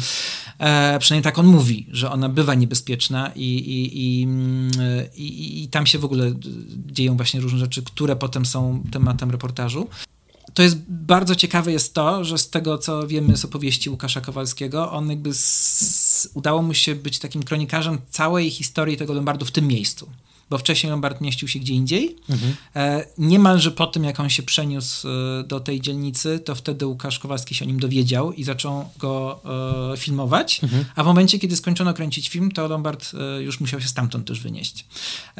I dzisiaj będzie, będzie w, w, przyszłym roku otwarty znowu gdzieś indziej. Mhm. I to będzie już pewnie zupełnie inne miejsce, bo, bo, będzie, mm, bo będzie chyba bardziej w centrum, no i też oni będą już pewnego rodzaju gwiazdami. Mhm. E, natomiast e, Natomiast to co, to, co jest ciekawe, to, to, co pytałeś, ta ostatnia scena, E, no to skoro nie możemy skończyć happy endem, bo to będzie nieprawda, no to jedyne, co nam pozostaje, to właśnie stworzyć takie zawieszenie, mhm. E, gdzie wszyscy trochę z tym zostajemy, bohaterowie trochę z tym zostają, zwłaszcza, że ta prowizorka jest e, jednym z tematów tego filmu i ona będzie się pewnie toczyć dalej. Zobaczymy, jak to mhm. będzie. Natomiast to, co jest takim mm, moją osobistą refleksją związaną z tym zakończeniem, chociaż ona może jest trochę obok filmu, ale, ale przyszło mi do głowy właściwie od razu, to znaczy, że ten film też trochę próbuje rozbijać takie narracje o, o, sukcesu, o sukcesie i porażce. Mhm. Że ta neoliberalna narracja nam wszystko ustawia w kategorii albo odnieśliśmy sukces, albo podnieśliśmy porażkę mhm. i my bardzo jesteśmy przyzwyczajeni do takiego myślenia. W ogóle jakby życiowe problemy, prywatne, inne, mhm. ustawiamy cały czas Happy jako taki, end, taki tak? task do wykonania, tak. a taski do wykonania albo można wykonać, albo nie wykonać, prawda? Albo oznaczamy, że one są wykonane, albo jeszcze są niewykonane. A moim zdaniem, i trochę ten film to pokazuje gdzieś na marginesach, że prawdziwe życie tak nie działa. Bo e, tak. że, że, że życie po prostu nam przynosi pewne rzeczy, które so, dają nam jakąś stratę i dają nam jakiś zysk.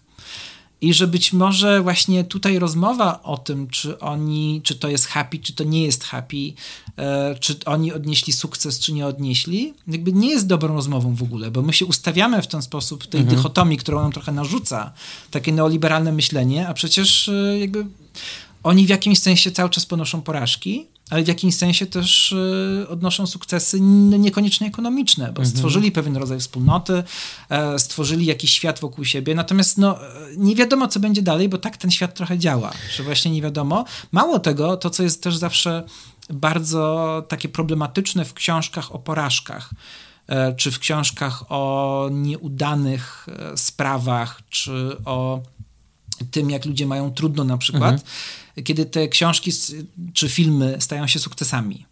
E, I nagle jakby one same przez siebie w jakimś sensie zaprzeczają tej opowieści o porażce. I teraz my nie wiemy, co będzie się dalej mhm. działo z e, bohaterami. To jest właśnie też temat, który mnie bardzo ciekawi zawsze w dokumencie, że dokument no, ma zupełnie inny rodzaj relacji z rzeczywistością niż fabuła, bo to są konkretni ludzie, których konkretne życie się zmieni teraz jak ono się zmieni. Tak, co? Pytanie, pytanie jak, pytanie na jaką skalę. Na jaką skalę, bo czasami to jest bardzo krótko. Tak, pytanie też jak się, jak się zmienia relacja reżysera z bohaterem, bo jak wiemy to też nie zawsze jest takie różowe, znamy wręcz tak, podobno tutaj jest bardzo, tak? bardzo na razie sympatycznie, że mhm. oni mają cały czas ze sobą kontakt. Będzie kontynuowana ta idea Lombardu, bo to nie hmm. jest e, tylko film, jak się okazuje, ale mhm. będzie, będą publikowane sceny, które nie weszły mhm. i będzie wystawa mm, w o. Bytomiu w przyszłym roku, więc zobaczymy, jak to się potoczy dalej. Ale jeszcze może jedna rzecz propos tej relacji rzeczywistości z filmem, że ta scena, która bardzo dla mnie była poruszająca, o którą zapytałem Łukasza Kowalskiego, mm, czyli scena e, tej kobiety, która była właśnie jedna z tych scen, gdzie kończy się sketchowość i kończy się e, ta konwencja, o której ograniczeniach też mówimy. E, I jest ta opowieść o przemocy w domu. Mhm. No, to ja się bardzo długo zastanawiałem nad tym, jak oni z tego wybrnęli, bo przecież to jest osoba, której widać twarz która ma przemocowego męża i której opowieść o przemocy męża będzie widziana mhm. publicznie. I to będzie miało bardzo realne konsekwencje w jej życiu. E, I tu się dowiedziałem, że mm, ten mąż już nie żyje mhm.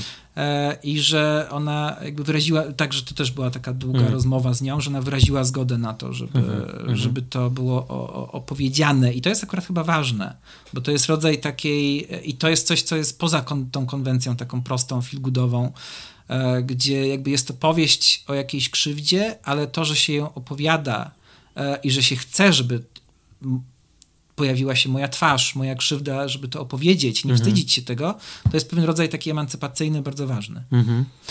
Y szukając słów na finał i zastanawiając się, jak może być, jaki może być finał tego filmu, w kulturze popularnej i w logice kapitalizmu kultury popularnej jest tak, że no z dyskontowaniem takiego sukcesu byłby na przykład serial Netflixa pod tytułem Lombard, tak? tak. Jakaś kontynuacja.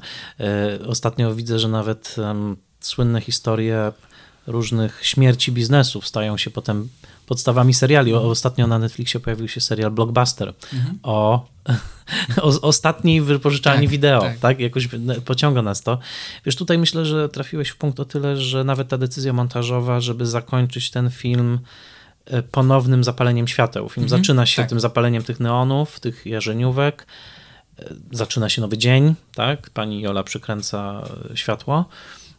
Ten film się tak samo kończy, znowu rozpoczynamy kolejny dzień, zapalamy światło i, i, i po prostu będzie ko, ko, kolejny dzień. Więc w tym sensie myślę, że byłoby dużym błędem, gdyby ten film się faktycznie skończył na tym kiermaszu, sugerując, że tutaj mhm. ta chwilowa ekstaza, czy radość, czy, czy jakaś właśnie wspólnota, że ona, że ona zwycięża.